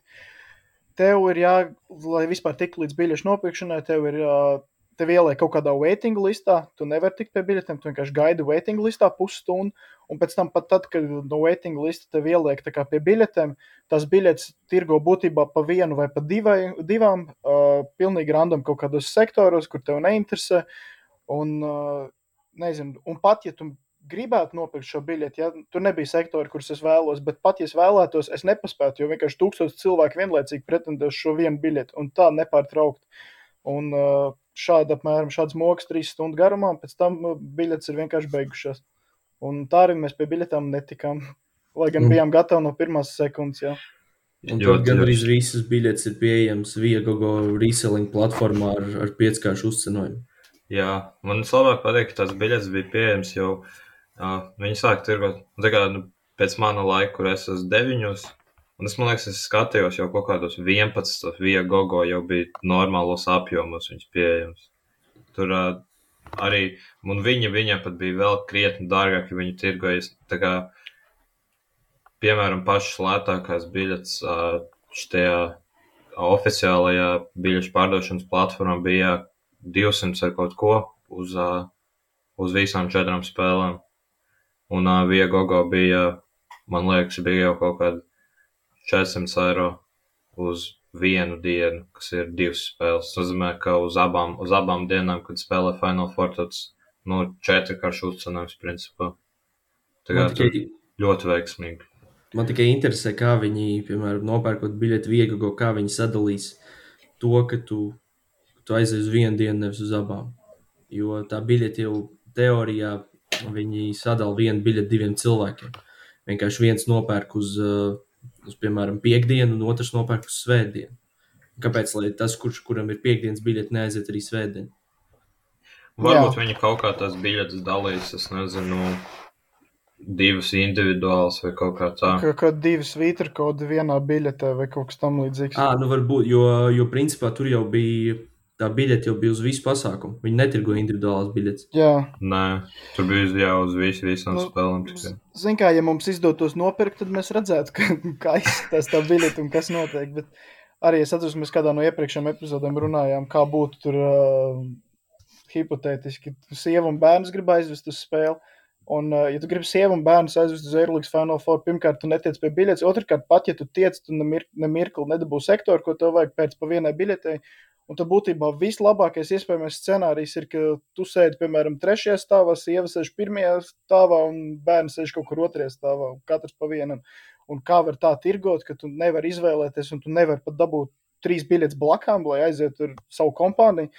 Nu, tas man liekas vienkārši ļoti, ļoti smags fails šo zonu Eirolīgā, un esmu vīlies, un es ceru, ka viņš šo dzirdēs, jo ne, šādi nav, nav skaisti šādi darīt. Lūdzu, nedariet tā vairs. Un vēl kas šajā sakarā bija lieliski, uh, viņiem bija tvīts, ka ir sāksies biļešu tirdzniecība, ja nemaldos, bija arī Instagram. Komentāros, Twitter plājos, visur viena vienīga kritika. Visi sūdzās par to, ka boti ir izķēruši biļetes, ka neviens pie tā netiek, vēl kaut ko, ko izdara Eirolīga. Viņi neko nepaskaidro, pilnīgi nevien, neviens atbildes šai kritikai, pilnīgi nekas. Viņi vienkārši kaut kāds pāris stundas vēlāk ieliek, ka, o jā, mums ir izpārdots Final Four. Malači. Arī tā mēs bijām pieraduši tajā mirklī komentāros, ka 98% no visiem komentāriem, jebkuram Eirolandes postam ir free faku. Un tad šoreiz tas free faku vispār nebija aktuāls. Jo... Bet bija arī bija pāris komentāri free faku. Nē, nē, protams, protams. Tik tālu arī visu, ka to ne, nepiemirst. Bet tā proporcija pilnībā mainījās. Vienkārši cilvēki būtībā bija nonākuši tieši tādā pašā situācijā kā es, un tieši precīzi arī uzrakstīju to, kā netika. Un, ka šis ir briesmīgākais biļešu servis, ko viņi jebkad ir piedzīvojuši, un ka ir šausmīgi vīlušies un fuja Eirolīga. Bet es nezinu, īstenībā, vai tas ir Eirolīgai, vai arī varbūt tai pašiem lietuviešiem akmens viņu dārziņā. Jo tur, man liekas, tur Baltijā ir kopumā problēmas ar kaut kādiem šitādiem lielākiem pasākumiem. Jo, cik es zinu, arī, piemēram, dziesmu svētkos katru reizi, kad viņi tirgo biļetes, tur ir, tur ir nereāls par viņas dabūt, jo viņas pirmkārt, viņas online īsti nevar nopirkt, jo tur, tur vienkārši tā mājaslapa Latvijā standartā netur, piemēram, ja pieslēdz vairāk kā 30 cilvēku, tad mājaslapa nobrūk. Un, un, un tā, tas plus mīnus, diemžēl, standarts tā ir, ka kaut kādiem lieliem pasākumiem Baltijā ir vienkārši sarežģīti nopirkt biļetes. Nē, es, es tomēr gribētu teikt, ka tas, ka tas tik un tā ir. Tomēr Eirolandes fails, jo Viņi jau izvēlējās to servisu provideru, kurš, uh, kurš sev nodrošina šo visu. Es pieļauju, ka viņiem iespējams bija arī kaut kādas citas opcijas. Ok, es nezinu, iekšējos, iekšējās tur sarunas vēl kaut ko, bet um, es pieļauju, ka viņi, nu, ka bija kaut kāda cita varianta, kaut kāda, es nezinu, lielāka platforma izvēlēties kaut ko, kaut ko citu. Nu, es nezinu, gan jau varēja atrast kaut kādu citu risinājumu. Viņi vienkārši tā akli uzticējās lēšiem, ka tur, ka tur viss būs kārtībā. Jo es pieļauju, ka Lietuvā nenotiek īsti tāda pasākuma, kur, kur tev ar botiem ir uzreiz jāizsver biļetes, lai viņas varētu rīselot. Nu, jā, nu vienīgi Žalgīrijā arēnā dualipa neuzstājas. Nu, jā, bet es, es zinu cilvēks, kas tur bija uz to koncertu un teica, ka, ka nebija baigo problēmu iegādāties šīs biļetes. Jo viņai jau bija milzīga koncertūra, tā kā tu varēji jebkur Eiropā. Tas nav tā, ka tas ir viens notikums, kur, uz, kur, uz kur visi grib. Bet iesākām jau par sociālajiem tīkliem. Tad, man liekas, nākamais tāds akmens Eirolandes lauciņā ir, ir vispār šī sociālo tīklu izmantošana, kā, kādu saturu viņi publicē un kādu saturu viņi ražo. Um, kā mēs zinām, TikTok šobrīd ir, ir viena no lielākajām platformām. Es pieļauju, ka nu, manām ierīcēm vajadzētu vismaz kaut cik uzķert, ka es sekoju līdzi Eirolandā. Piemēram, TikTokā es neesmu redzējis pilnīgi neko no Eirolandas. Vai tas būtu Eirolandas oficiālais konts, vai tas būtu kaut kāds serbs, kurš ir salicis uh, top 10 all-time spēlētājs Eirolandas, kur ir tikai Serbija iekšā, piemēram.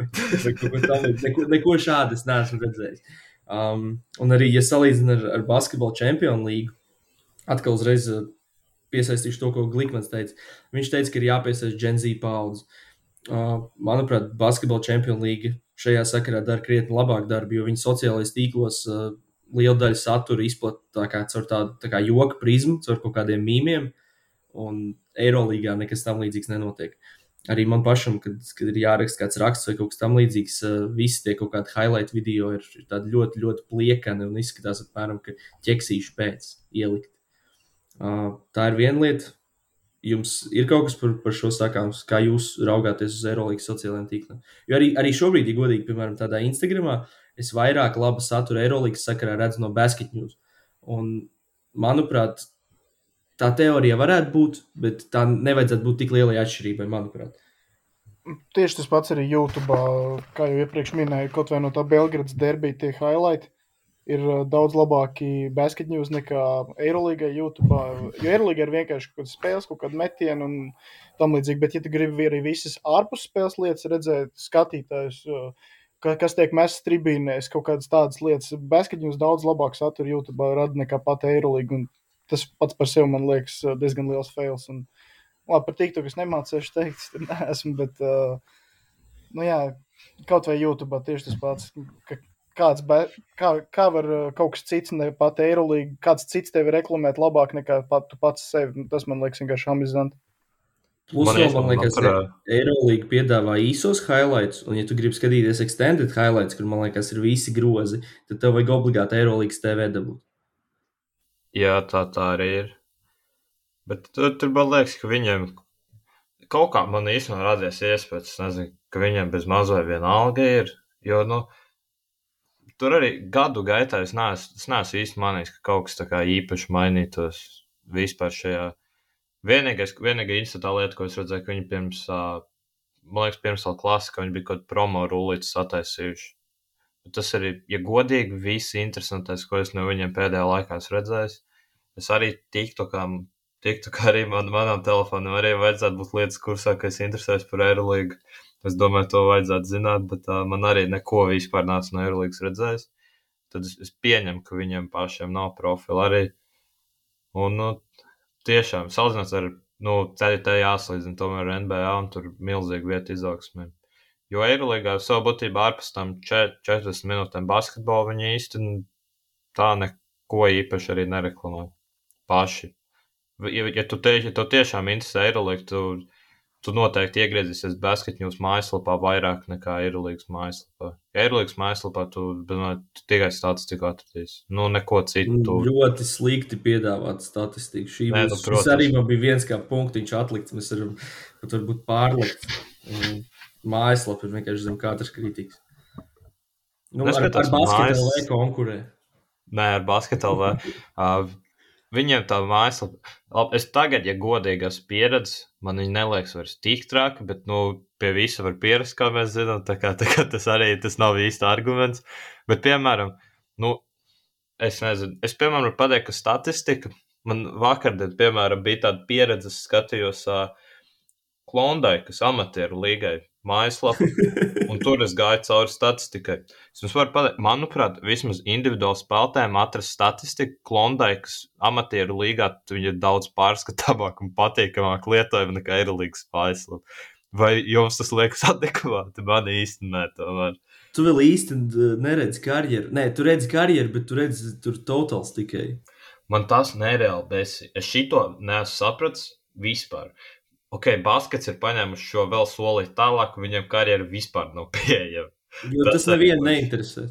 Tas ir, man, man, ja gudi, man tā ir, piemēram, diezgan regulāra lieta, ko es daru, piemēram, kad man interesē kaut kāds spēlētājs, es gribu, piemēram, redzēt, ko viņš darīs iepriekšējos gados. Man tas liekas ļoti Tiešām. interesanti. Man liekas, Jā. ka nevienam tas neinteresē. Kāpēc, lai tu vispār, kāpēc tev, lai tev interesētu, ko kāds cits ir darījis iepriekšējās sezonās?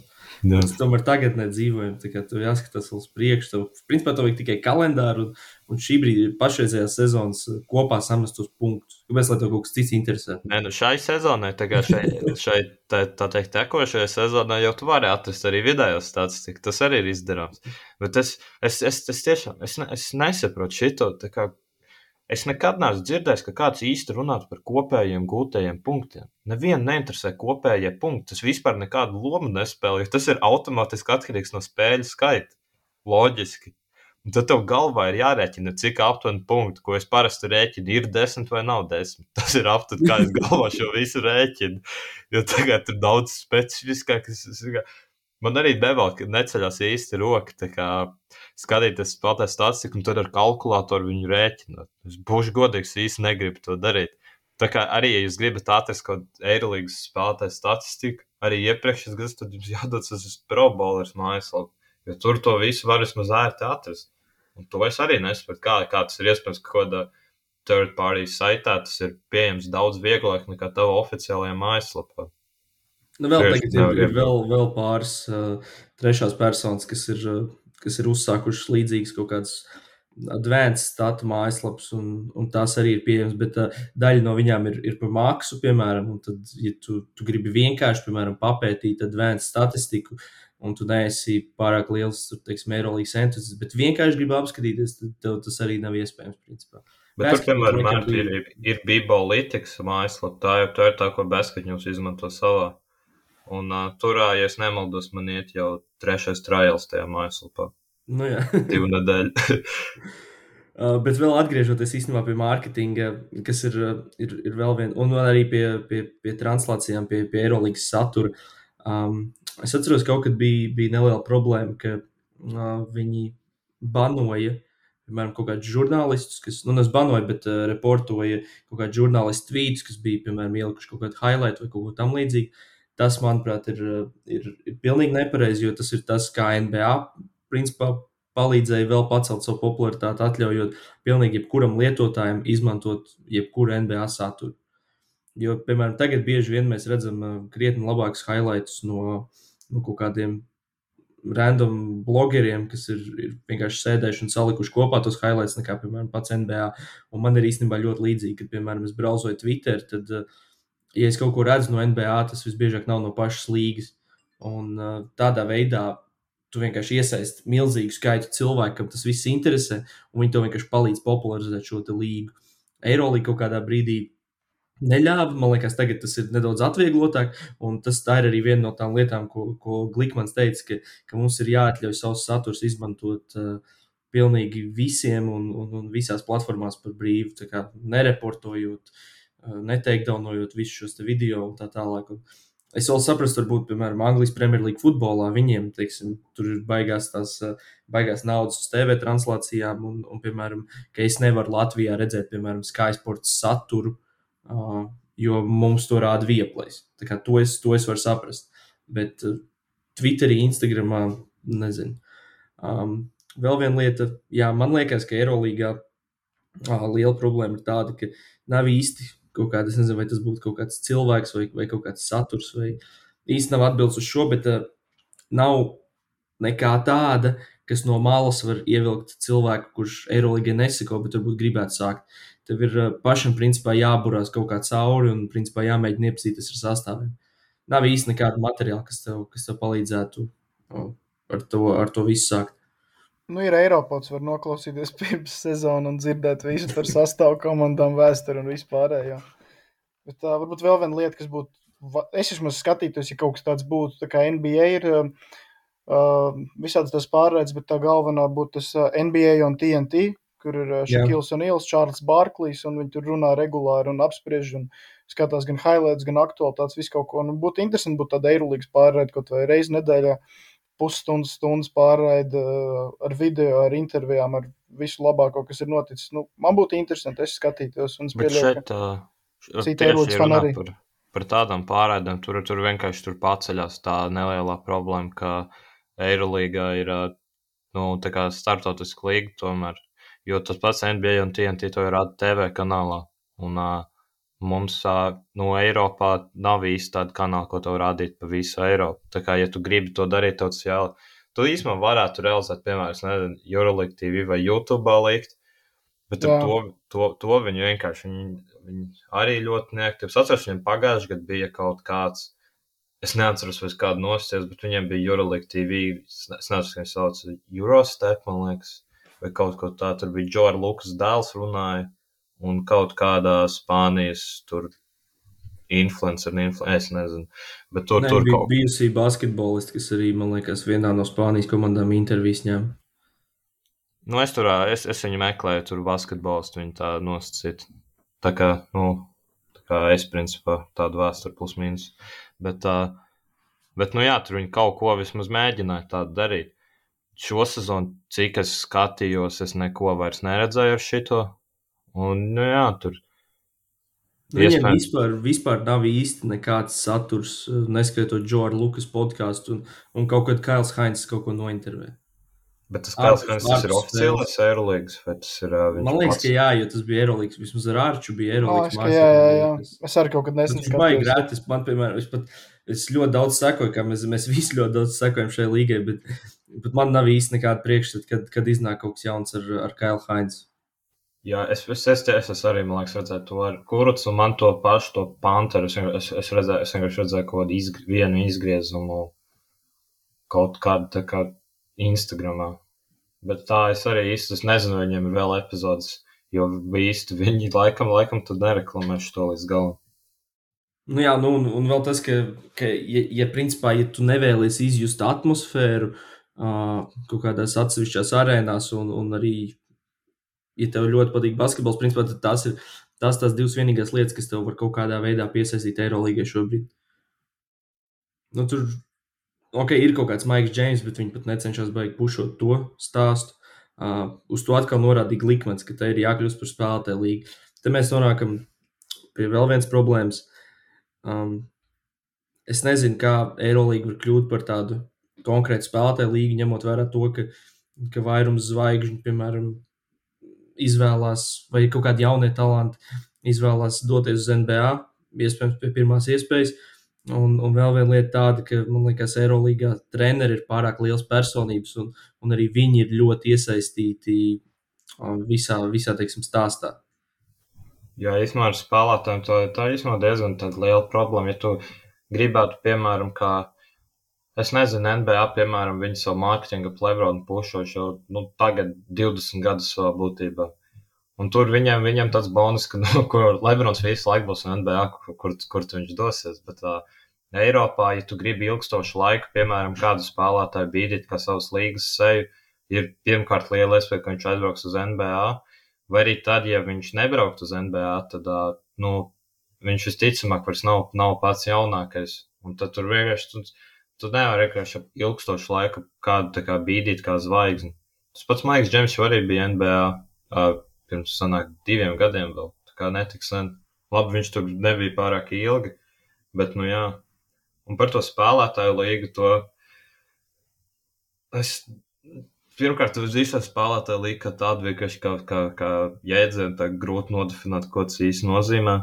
Un, ja es, es noteikti negribu redzēt Eirolīgu kā kā tas ir, piemēram, NBA, ka tev ir tā teikt, leģiem un nu, tam līdzīgas lietas, vairs, ka spēlētāji visi, visi iet cauri viņam tam līdzīgi, to es īsti negribētu. Jo, nu, es nezinu, man, man tomēr man vairāk patīk pats basketbols, nevis vienkārši skatīties, kā dankas liek. Man, piemēram, es nezinu, man, man El Clasico patika labāk nekā Baskonija FS. Tāpēc tas bija krietni labāks basketbols, manuprāt. Jo tur Baskonē FS tas bija vienkārši tā kā šūteruns savā būtībā, vai imitētu aizsardzību. Tā kā, no, piemēram, kad uh, iziet pirms spēlēm vienkārši kombinācijas lēnām, un tad, es nezinu, uzmet trojku beigās. Nu, tad tā tur. Mēs tas, labāk. Kur... Nu, jā. Nu, es piekrītu, ka kaut kādā ziņā grūti šo padarīt par uh, spēlētāju līgu. Jā, es arī teiktu, ka treneri ir uh, lielāks autoritāts uh, ļoti bieži. Uh, arī manās acīs, piemēram, ja man būtu jāizvēlas no Eirolandes kaut kāda cilvēka, kurus es gribētu, piemēram, satikt un parunāties. Jā, liela daļa nu, man topā no cilvēkiem būtu tieši treneri, nevis spēlētāji. Es teiktu, ka viņiem ir kaut kāds lielāks impakts uz, uz spēli un tam līdzīgi, un vienkārši lielākas personības. Un, nu, arī pie, pie, pilnībā piekrītu, ka tiklīdz spēlētājs ir jauns un labs, vienmēr ir risks, ka viņš tiks pazaudēts uz NBA.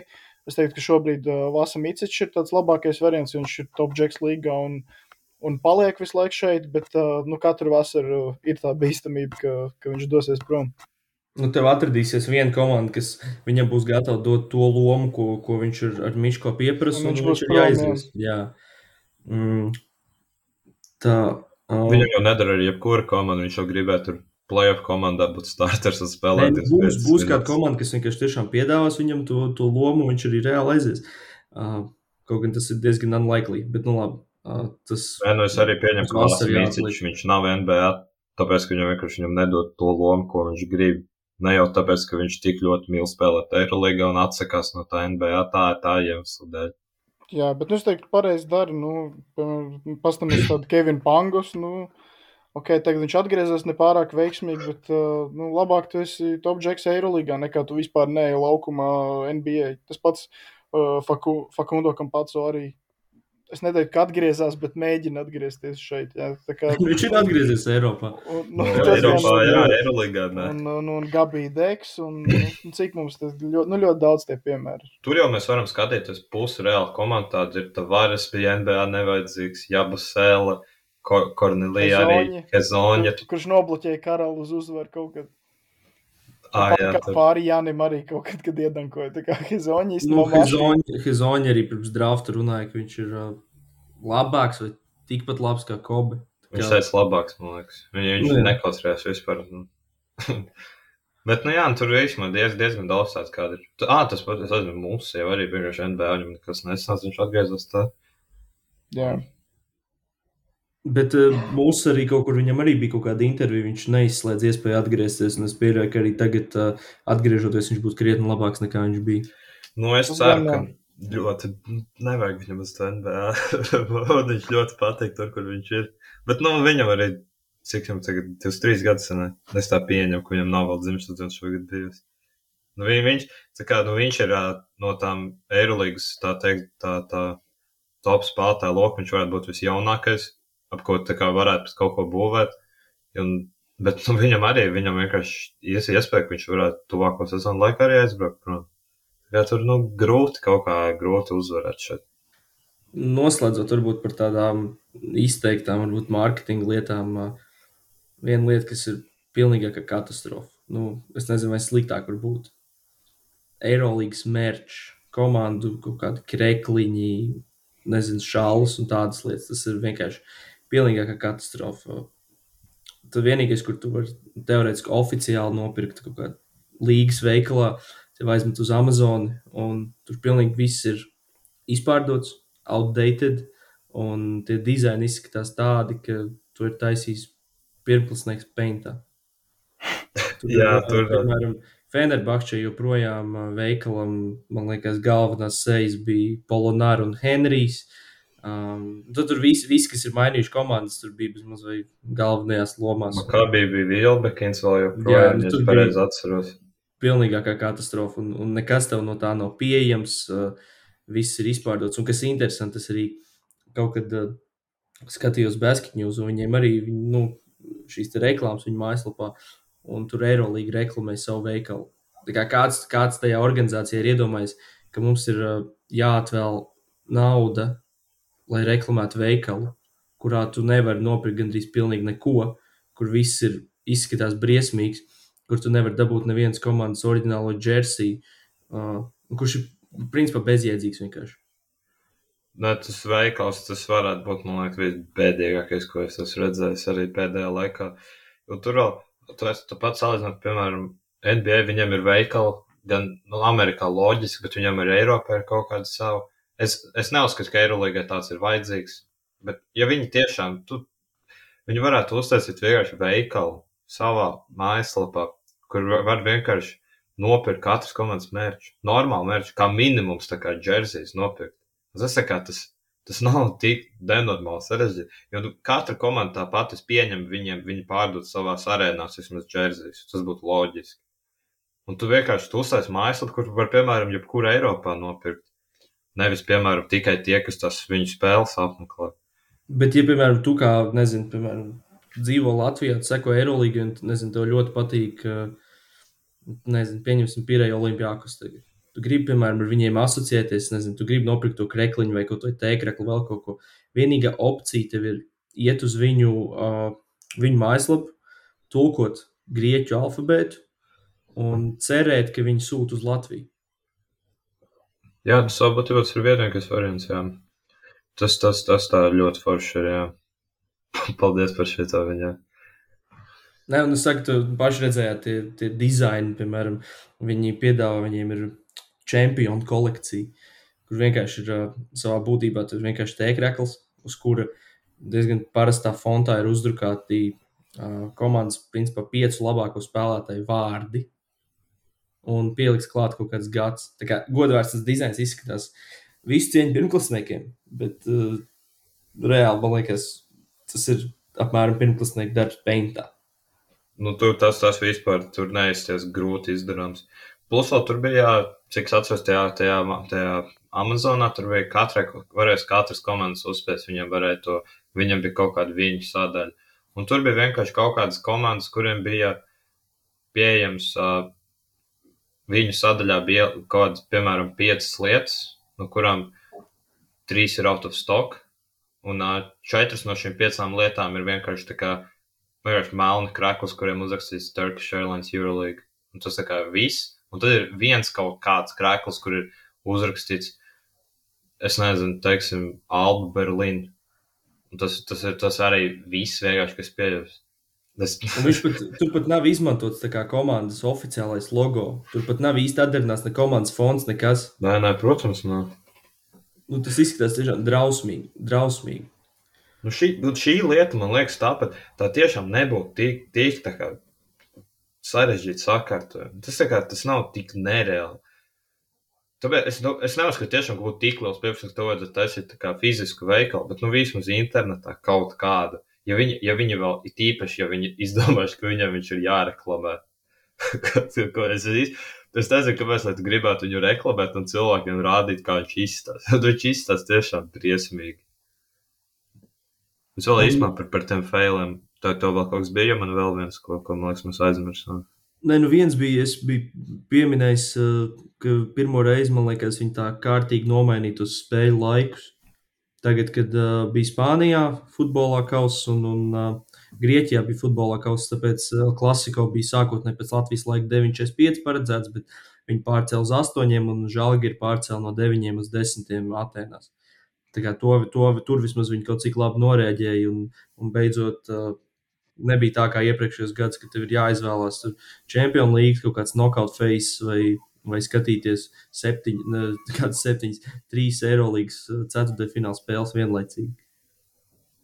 Nu, tur es, es īstenībā nezinu, kāpēc, ja viņi, piemēram, tagad to varēja izpildīt, kāpēc viņi nevar tā kā, teiksim, regulāri ielikt vienu spēli, nedē, vienu, tā kā katrā dienā vienu spēli, kas ir ātrāk.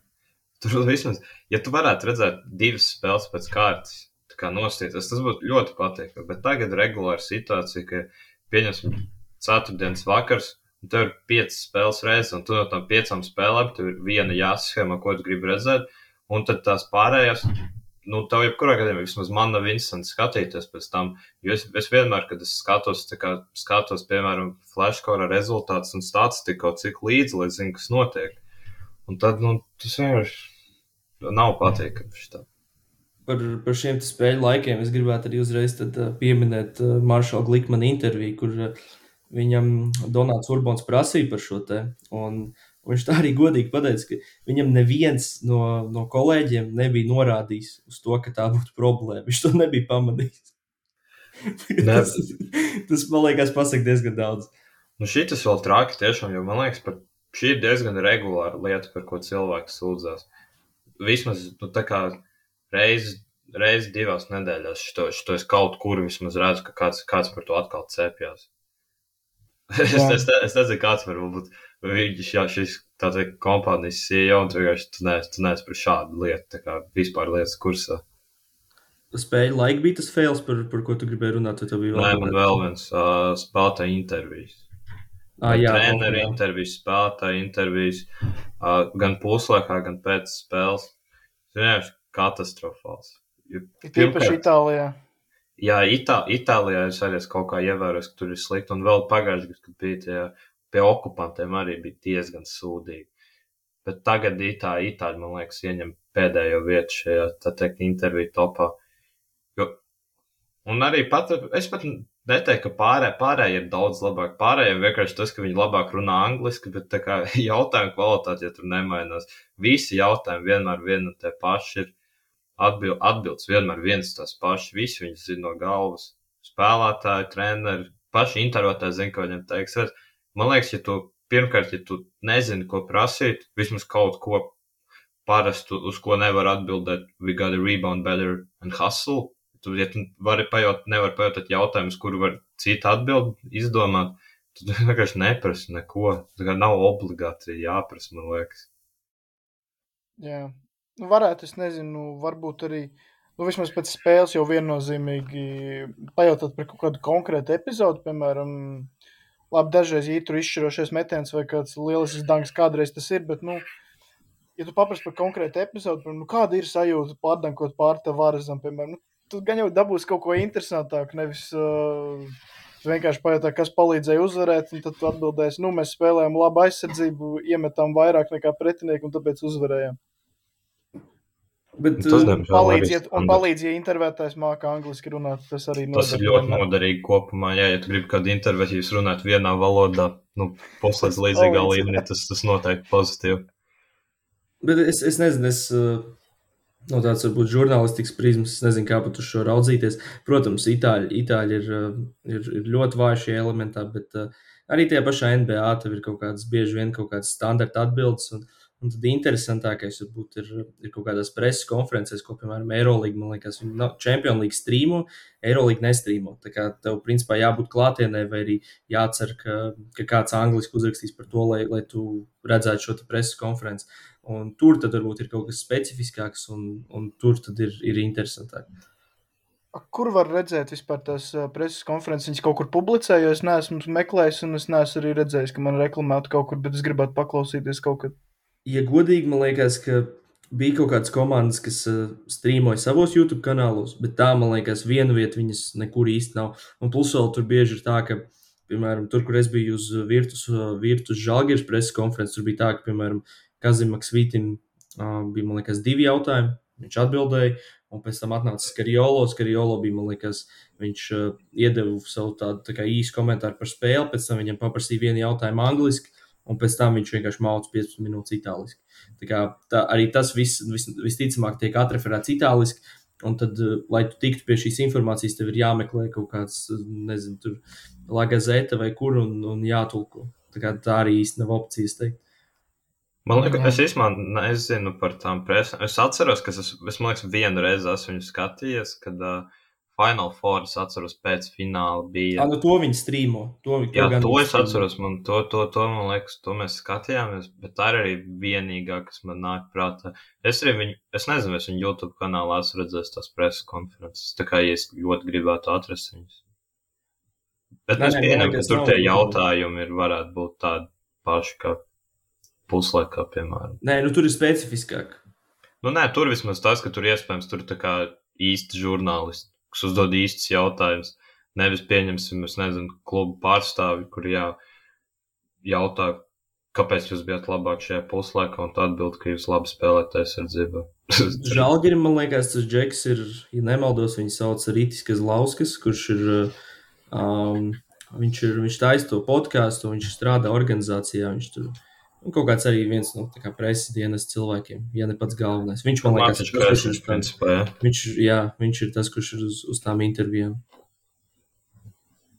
Um, jā, tad uh, tas, mēs jau attālinājāmies pavisam no šī, bet uh, no tādiem izteiktiem failiem man liekas, nekas cits baigi nenāk prātā. Bet uh, pievēršoties varbūt nedaudz vairāk Glikmanam, uh, tu valti minēji, ka NBA jau vairāk nekā 20 gadus pušo Lebronu.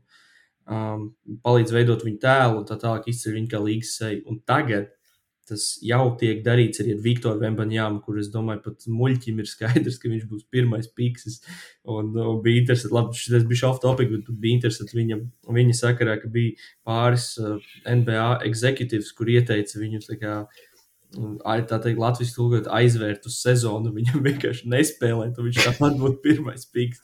Labi, es domāju, šobrīd jau par Viktoru visi zina, un, un visi saprot, kas tas ka, Runājot par Viktoru talants. bija, bija video, ko viņš ielika. Es nezinu, kur tas bija, es kaut kur redzēju, kurā viņš, viņš filmēja sev tā kā no sava tā kā POV, kā viņš redz laukumu.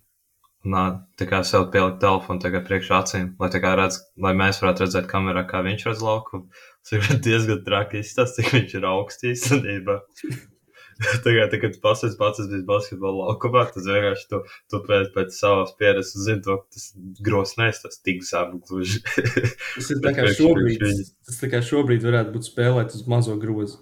Jā, Principā viņam, viņam tā ir, jā, tā kā mums ir mazo grozu.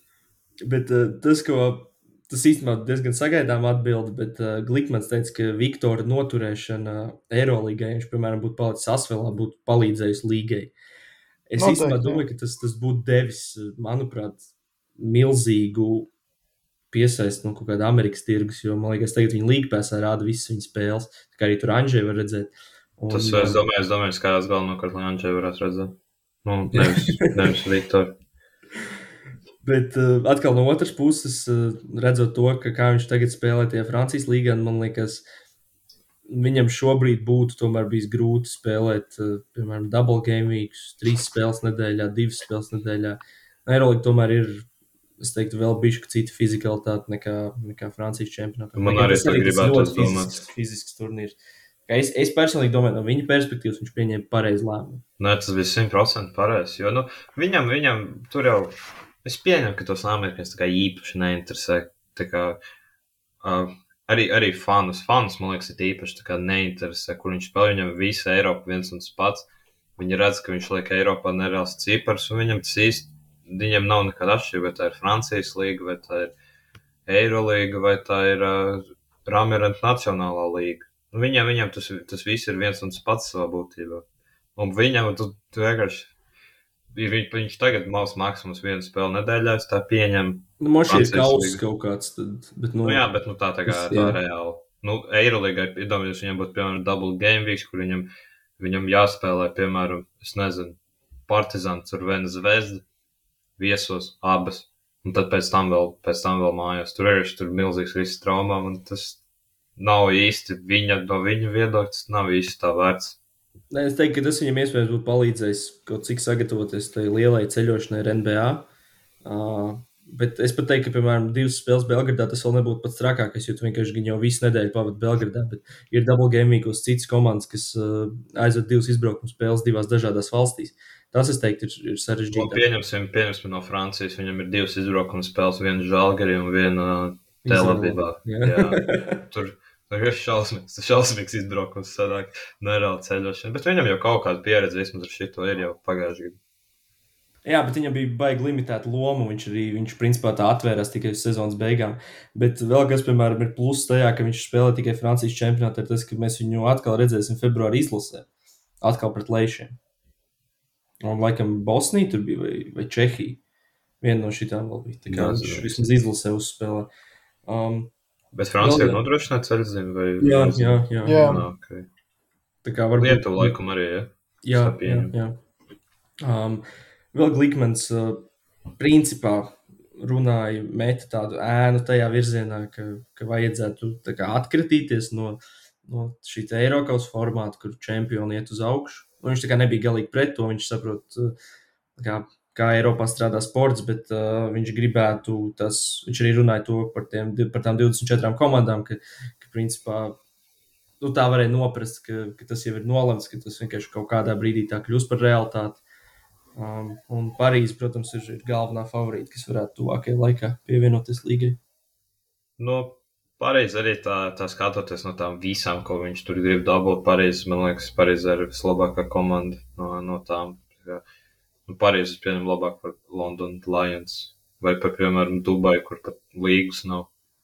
Jā, to viņš, arī minēja, nav. to viņš arī minēja Dubajas sakarā, ka tur, tāpēc, ka tur nav līgas, tā kā tā Dubajas komanda ir tālāk nekā mums šobrīd liekas no Eirolīgas. Nekā varbūt kaut kādā brīdī likās, ka tur sākumā, ka tur teica, ka jau, jau tūlīt jau nākamā sezona būs. Kaut gan, nu, vasaras laikā viss, kas var mainīties. Bet tur man, nu, par vispār par to visu to lielo izpašanos, par tiem lielajiem tirgiem Eiropā. Es īsi, ja godīgi nezinu, kā, kā, kā, vai, tas, vai, tas viss, vai tas viss strādātu vai nestrādātu. Jo, piemēram, iztēlojamies, ka viņi uztais komandu Londonā, un Londonā nevienu neinteresē. Tā, tā komanda neviens uz viņu neiet. Viņam tehniski ir komanda Londonā, bet īsti neko nedod. Starp citu, Londonas komanda interesē, jo uh, viņiem tagad uh, pie Wembley stadiona ir kaut kāda samērā liela arēna. 11,000 pulcēji uz, uz Eiropas. Jau kaut kādas divas vai trīs spēles, kaut kas tam līdzīgs ir bijis. Nu jā, bet tur vienkārši man, man, man tur vienkārši rodas jautājums, vai tur cilvēks reāli interesē arī tas basketbols vai nē. Jo tajā pašā Parīzē. Atnāk, tā, kā... nu, tā bija viena kaut kāda random spēle, kas saprot. Nē, es saku, bija divas vai trīs, man liekas, bijušas. Viņi laikam visi nespēlē. Viņi laikam visi nespēlē tajā, tajā Wembley arēnā, kas pie Wembley ir. Bet uh, tur diezgan, diezgan, man liekas, normāla apmeklētība. Plus viņiem nu, tomēr spēlē NBA leģenda Sems Dekers. Arī, Kosta, jā. Kosta Kufos. Kosta tur arī, protams. Bet, nu, es nezinu. Es tā kā, labi, man liekas, vienkārši tā kā, varbūt man vienkārši kā Eirolandes fanām vienkārši patīk, ka ir pietiekami liels komandas ar lielu vēsturi. Kaut vai šajā visā, no šīs visas komandas, kas tagad ir Eirolandā, savu būtībā vienīgā, kura vispār nav, man, manuprāt, īsti nekāds vēstures, ir, es pat nezinu, man liekas, visām ir. Un tad tu vienkārši taisi kaut, kā, kaut kādu pilnībā jaunu projektu, un, nu, es nezinu, tur tas man nāca. Bet uh, Parīzē nāk cilvēku uz to komandu. Bet Parīzē arī, cik es saprotu, šito man liekas kaut kad jau pasen teicu, Parīzē cilvēks krietni vairāk interesē vietējais čempions nekā, piemēram, Eiropas. Parīzē, ja es nemaldos, kad pagājušajā gadā spēlēja tieši Pēras basketbolu, bet, ja es nemaldos, to pašu metropolitēns, viņi, pie, viņi pielasīja ļoti ātri pilnu to, kurā, man liekas, to, kur spēlēja to Parīzē, to ATP turnīru, to arēnu. Viņi Apkora ļoti ātri. jā. Bet vai Un- tas bija pret Metropolitans? Vai... Ah, viņi pret uh, viņi French Open kortos, viņi French Open kortos spēlēja, man liekas, pret Asvel. Tur bija kaut kāda tā kā Man outdoor var būt, spēle. bet es at, Viņi nu, tur baigi eksperimentē. mums nu, viens no kolēģiem vienkārši pagājušajā gadā dzīvē atceros, ka viņš stāstīja. Un uh, tur ir uz, uz, uz to pašu Eiropas, tur bija pustukšs trījums. Cilvēks krietni vairāk interesē vietējais čempionāts nekā, nekā, nekā Eiropas. Tāpēc es nezinu, vai ir Eirolandā Bet, tur būtu uh, milzīga atšķirība. Nu, Parīzē ir labs projekts, jo tur, tur pie sprites ir amerikāņi. Tur ir amerikāņu treneris, tur ir kaut kāds Minnesotas aizmirsts, viņam tagad vārdu Timberwolves bijušais, kaut kāds ne te GMs vai kaut kas tam līdzīgs. Tur ir, tur ir labu, labu džeki pie sprites. kā Tur Plus vēl domāju, tas projekts. Jā, tas Keidžers, jā, tagad gan traumēts. Diemžēl, Un jā. arī, arī Tunisijas izlases uh, labākais basketbols Maikls Rolls arī tagad pievienojies. tik Tā viņš tikko. no Tunisietas izrādās. Jā, jā, jā. Um, labi, tā vēl turpinot noslēgumā. Glikmanam ļoti patīk ideja par zvaigžņu spēli. Uh, to mēs jau, man liekas, parunājām. Uh, Mēs vēl viņš, viņš gribētu aizdīt spēli ārpus Eiropas, kas man liekas ļoti interesanti. Es piemēram neredzu, kā viņš tur minēja kaut kādu New York, Tokiju. Es neredzu, kā varētu Eirolandā piepildīt Madison Square Garden. Es arī ne. Nē, es tikai saprotu, es kaut kādā veidā saprotu to ideju, kāpēc tu to gribētu darīt, bet arī es arī īsti nezinu, kā tas. Jo, jo man liekas, cilvēkiem vajag jau interesēt tajā līgai, lai viņi uz viņu ietu. Tāpat tā kā, piemēram, kad NBA nesen spēlēja Parīzē tieši. Un, nu jā, Un tad pašā, pašā noslēgumā uh, man jau visu laiku Glikmana kungs likās tas nedaudz slidens, ņemot vērā to, ka viņš stāstīja, ka viņš ar Eirolandes rezultātiem iepazīstās uz, uz tā elliptikāla vai kā sauc to, to aparātu, kur tu džimā mauc gan ar kājām, gan ar rokām. Tur jā. viņš iepazīstās, viņš tur Whatsappā visiem atbild nākamajā rītā. Tas man likās interesanti, tāpēc viņš man tāds slidens likās vēl tas, ka viņam ir līgums tikai uz šo sezonu. Un pašās beigās, jā, viņš, viņš gribot atpakaļ ā, Krievu draugus. Tā viņš laikam Jā. pateica, ka tas ir Jā, tas viņam- ļoti pretīgi. Nu, būtībā, jā, pēdējā intervijas minūtē pilnībā viss atšķirēja. Pirms tam nu, kaut kādas lietas viņš arī tur loģiski runāja un tā pārliecinoši un labi. Un likās, ka nu, mošs normāls džeks, bet tā pašās, pašās beigās, uh, nezinu, parādīja savus krāsas vai kā to nosaukt. Un tas Piemēram, vēl tas tīri skatoties, cik šogad ir interesants sezona. Būšu godīgs, man, man to vatņiku vispār netrūkst. Es nezinu, man tā kā nav vispār ne, nekāda pārdzīvē, ka viņš šogad nav. Man, manas spējas viņš varētu arī nebūt. Un tas vēl ir, ar- tas vēl ir pie šādas situācijas, kad Prometējs ir pirmajā vietā Eiropasā un teorijā viena no favorītiem. Tur, protams, tas formāts ir ļoti nežēlīgs un, un nav nekāda garantija, ka viņi varētu uzvarēt, bet tas realitātē var notikt. Viņš tikmēr grib vācis atpakaļ. Es īstenībā, es, es ļoti pir... runāju tieši par to prometēju. Man liekas, mēs privāti par šo kaut kad runājam. Bet tā, nu, protams, protams, mēs visi ceram, piemēram, nu, nu mēs visi ļoti ceram, ka jau Ukrainā viss beigsies un prometējs varēs, piemēram, nākamgad atgriezties mājās uz nākamo sezonu. Bet, ja mēs tā kā skatāmies uz sliktāko iespējamo gadījumu, un ka viņi, ja viņi to nevar darīt, un viņiem būtu, piemēram, jāspēlē nākamgad Eirolandes spēles Rīgā, Viņi, ja godīgi liekas, ka tur varētu būt diezgan katastrofāla situācija. Tur vēl tā kā to no, no vispār no visu Eirolandes arēnu viedokļa būtu stabils, sliktākā vieta, kur spēlēt. Jo viņi jau tagad uz Eiropas tur nu, nekas īsti nenotiek. Tur divi sektori izstāsta pilni. Un tur vēl viņi bez mazliet dod biļetes par brīvu bērniem arī, cik es saprotu. Nu, labi, Eirolandes bija cits līmenis. Es, es ticu, Nu, bet... ceru. Bet uh, es, es vienkārši. Lai kā es gribētu Eirolandā Rīgā, visforšāk būtu, ja tas nebūtu Prometējs, kas, kas šeit spēlē. Jo vislabāk būtu, ja viņi vienkārši spēlētu savā, savā valstī. Tas būtu vienkārši. Nē, nē, tas, protams, es vienkārši tikai tīri par sliktāko gadījumu aizdomājos. Jo, man liekas, tur Latvijā ļoti bēdīgi izcīnās tā ir līga. Bet, nu, būtu noteikti lielāka interese nekā tagad par Eiropas. Tas gan. Nu, Man Kaut būtu kā, es domāju, kaut cik lielāka, bet man liekas, ka vienkārši Lat Latvijā kopumā. Nu, Latvijā Rīgas dīnāmo cilvēks interesē krietni vairāk nekā, piemēram, Vēfrīga, kad viņi labi spēlē. Arī, arī kad viņi slikti spēlē dīnāmo. Tad vienkārši cilvēks nevis tik ļoti neinteresē, diemžēl, Eirolīga. Nu, tāpēc mūsu uzdevums, tāpēc mēs te esam ar Eiropodu un stāstam jums, kas ir forši un kas nē. Jā, Daram to, ko nedara Eirolandā, mēģinam popularizēt viņu. jā mē, mē, mēs cenšamies tos jaunos, tos jaunos tirgus viņu vietā apgūt. Nu, mēs Latviju šoreiz. Jā, Tā kā tā, laikam, tad Man noslēdzam. Jā, tas arī tad.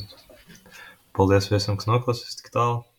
Pieskatīt Tiem, mums kas- Instagramā. Ja Instagramā pieskaitāt, un tiem, kas to neizdarīja, kad, kad jums teica, tad uh, nospēdiet zvaniņu Spotify, tad nākamo epizodu dzirdēsiet pirmie. Tad jā, paldies un čau! Dai, čau. Sī!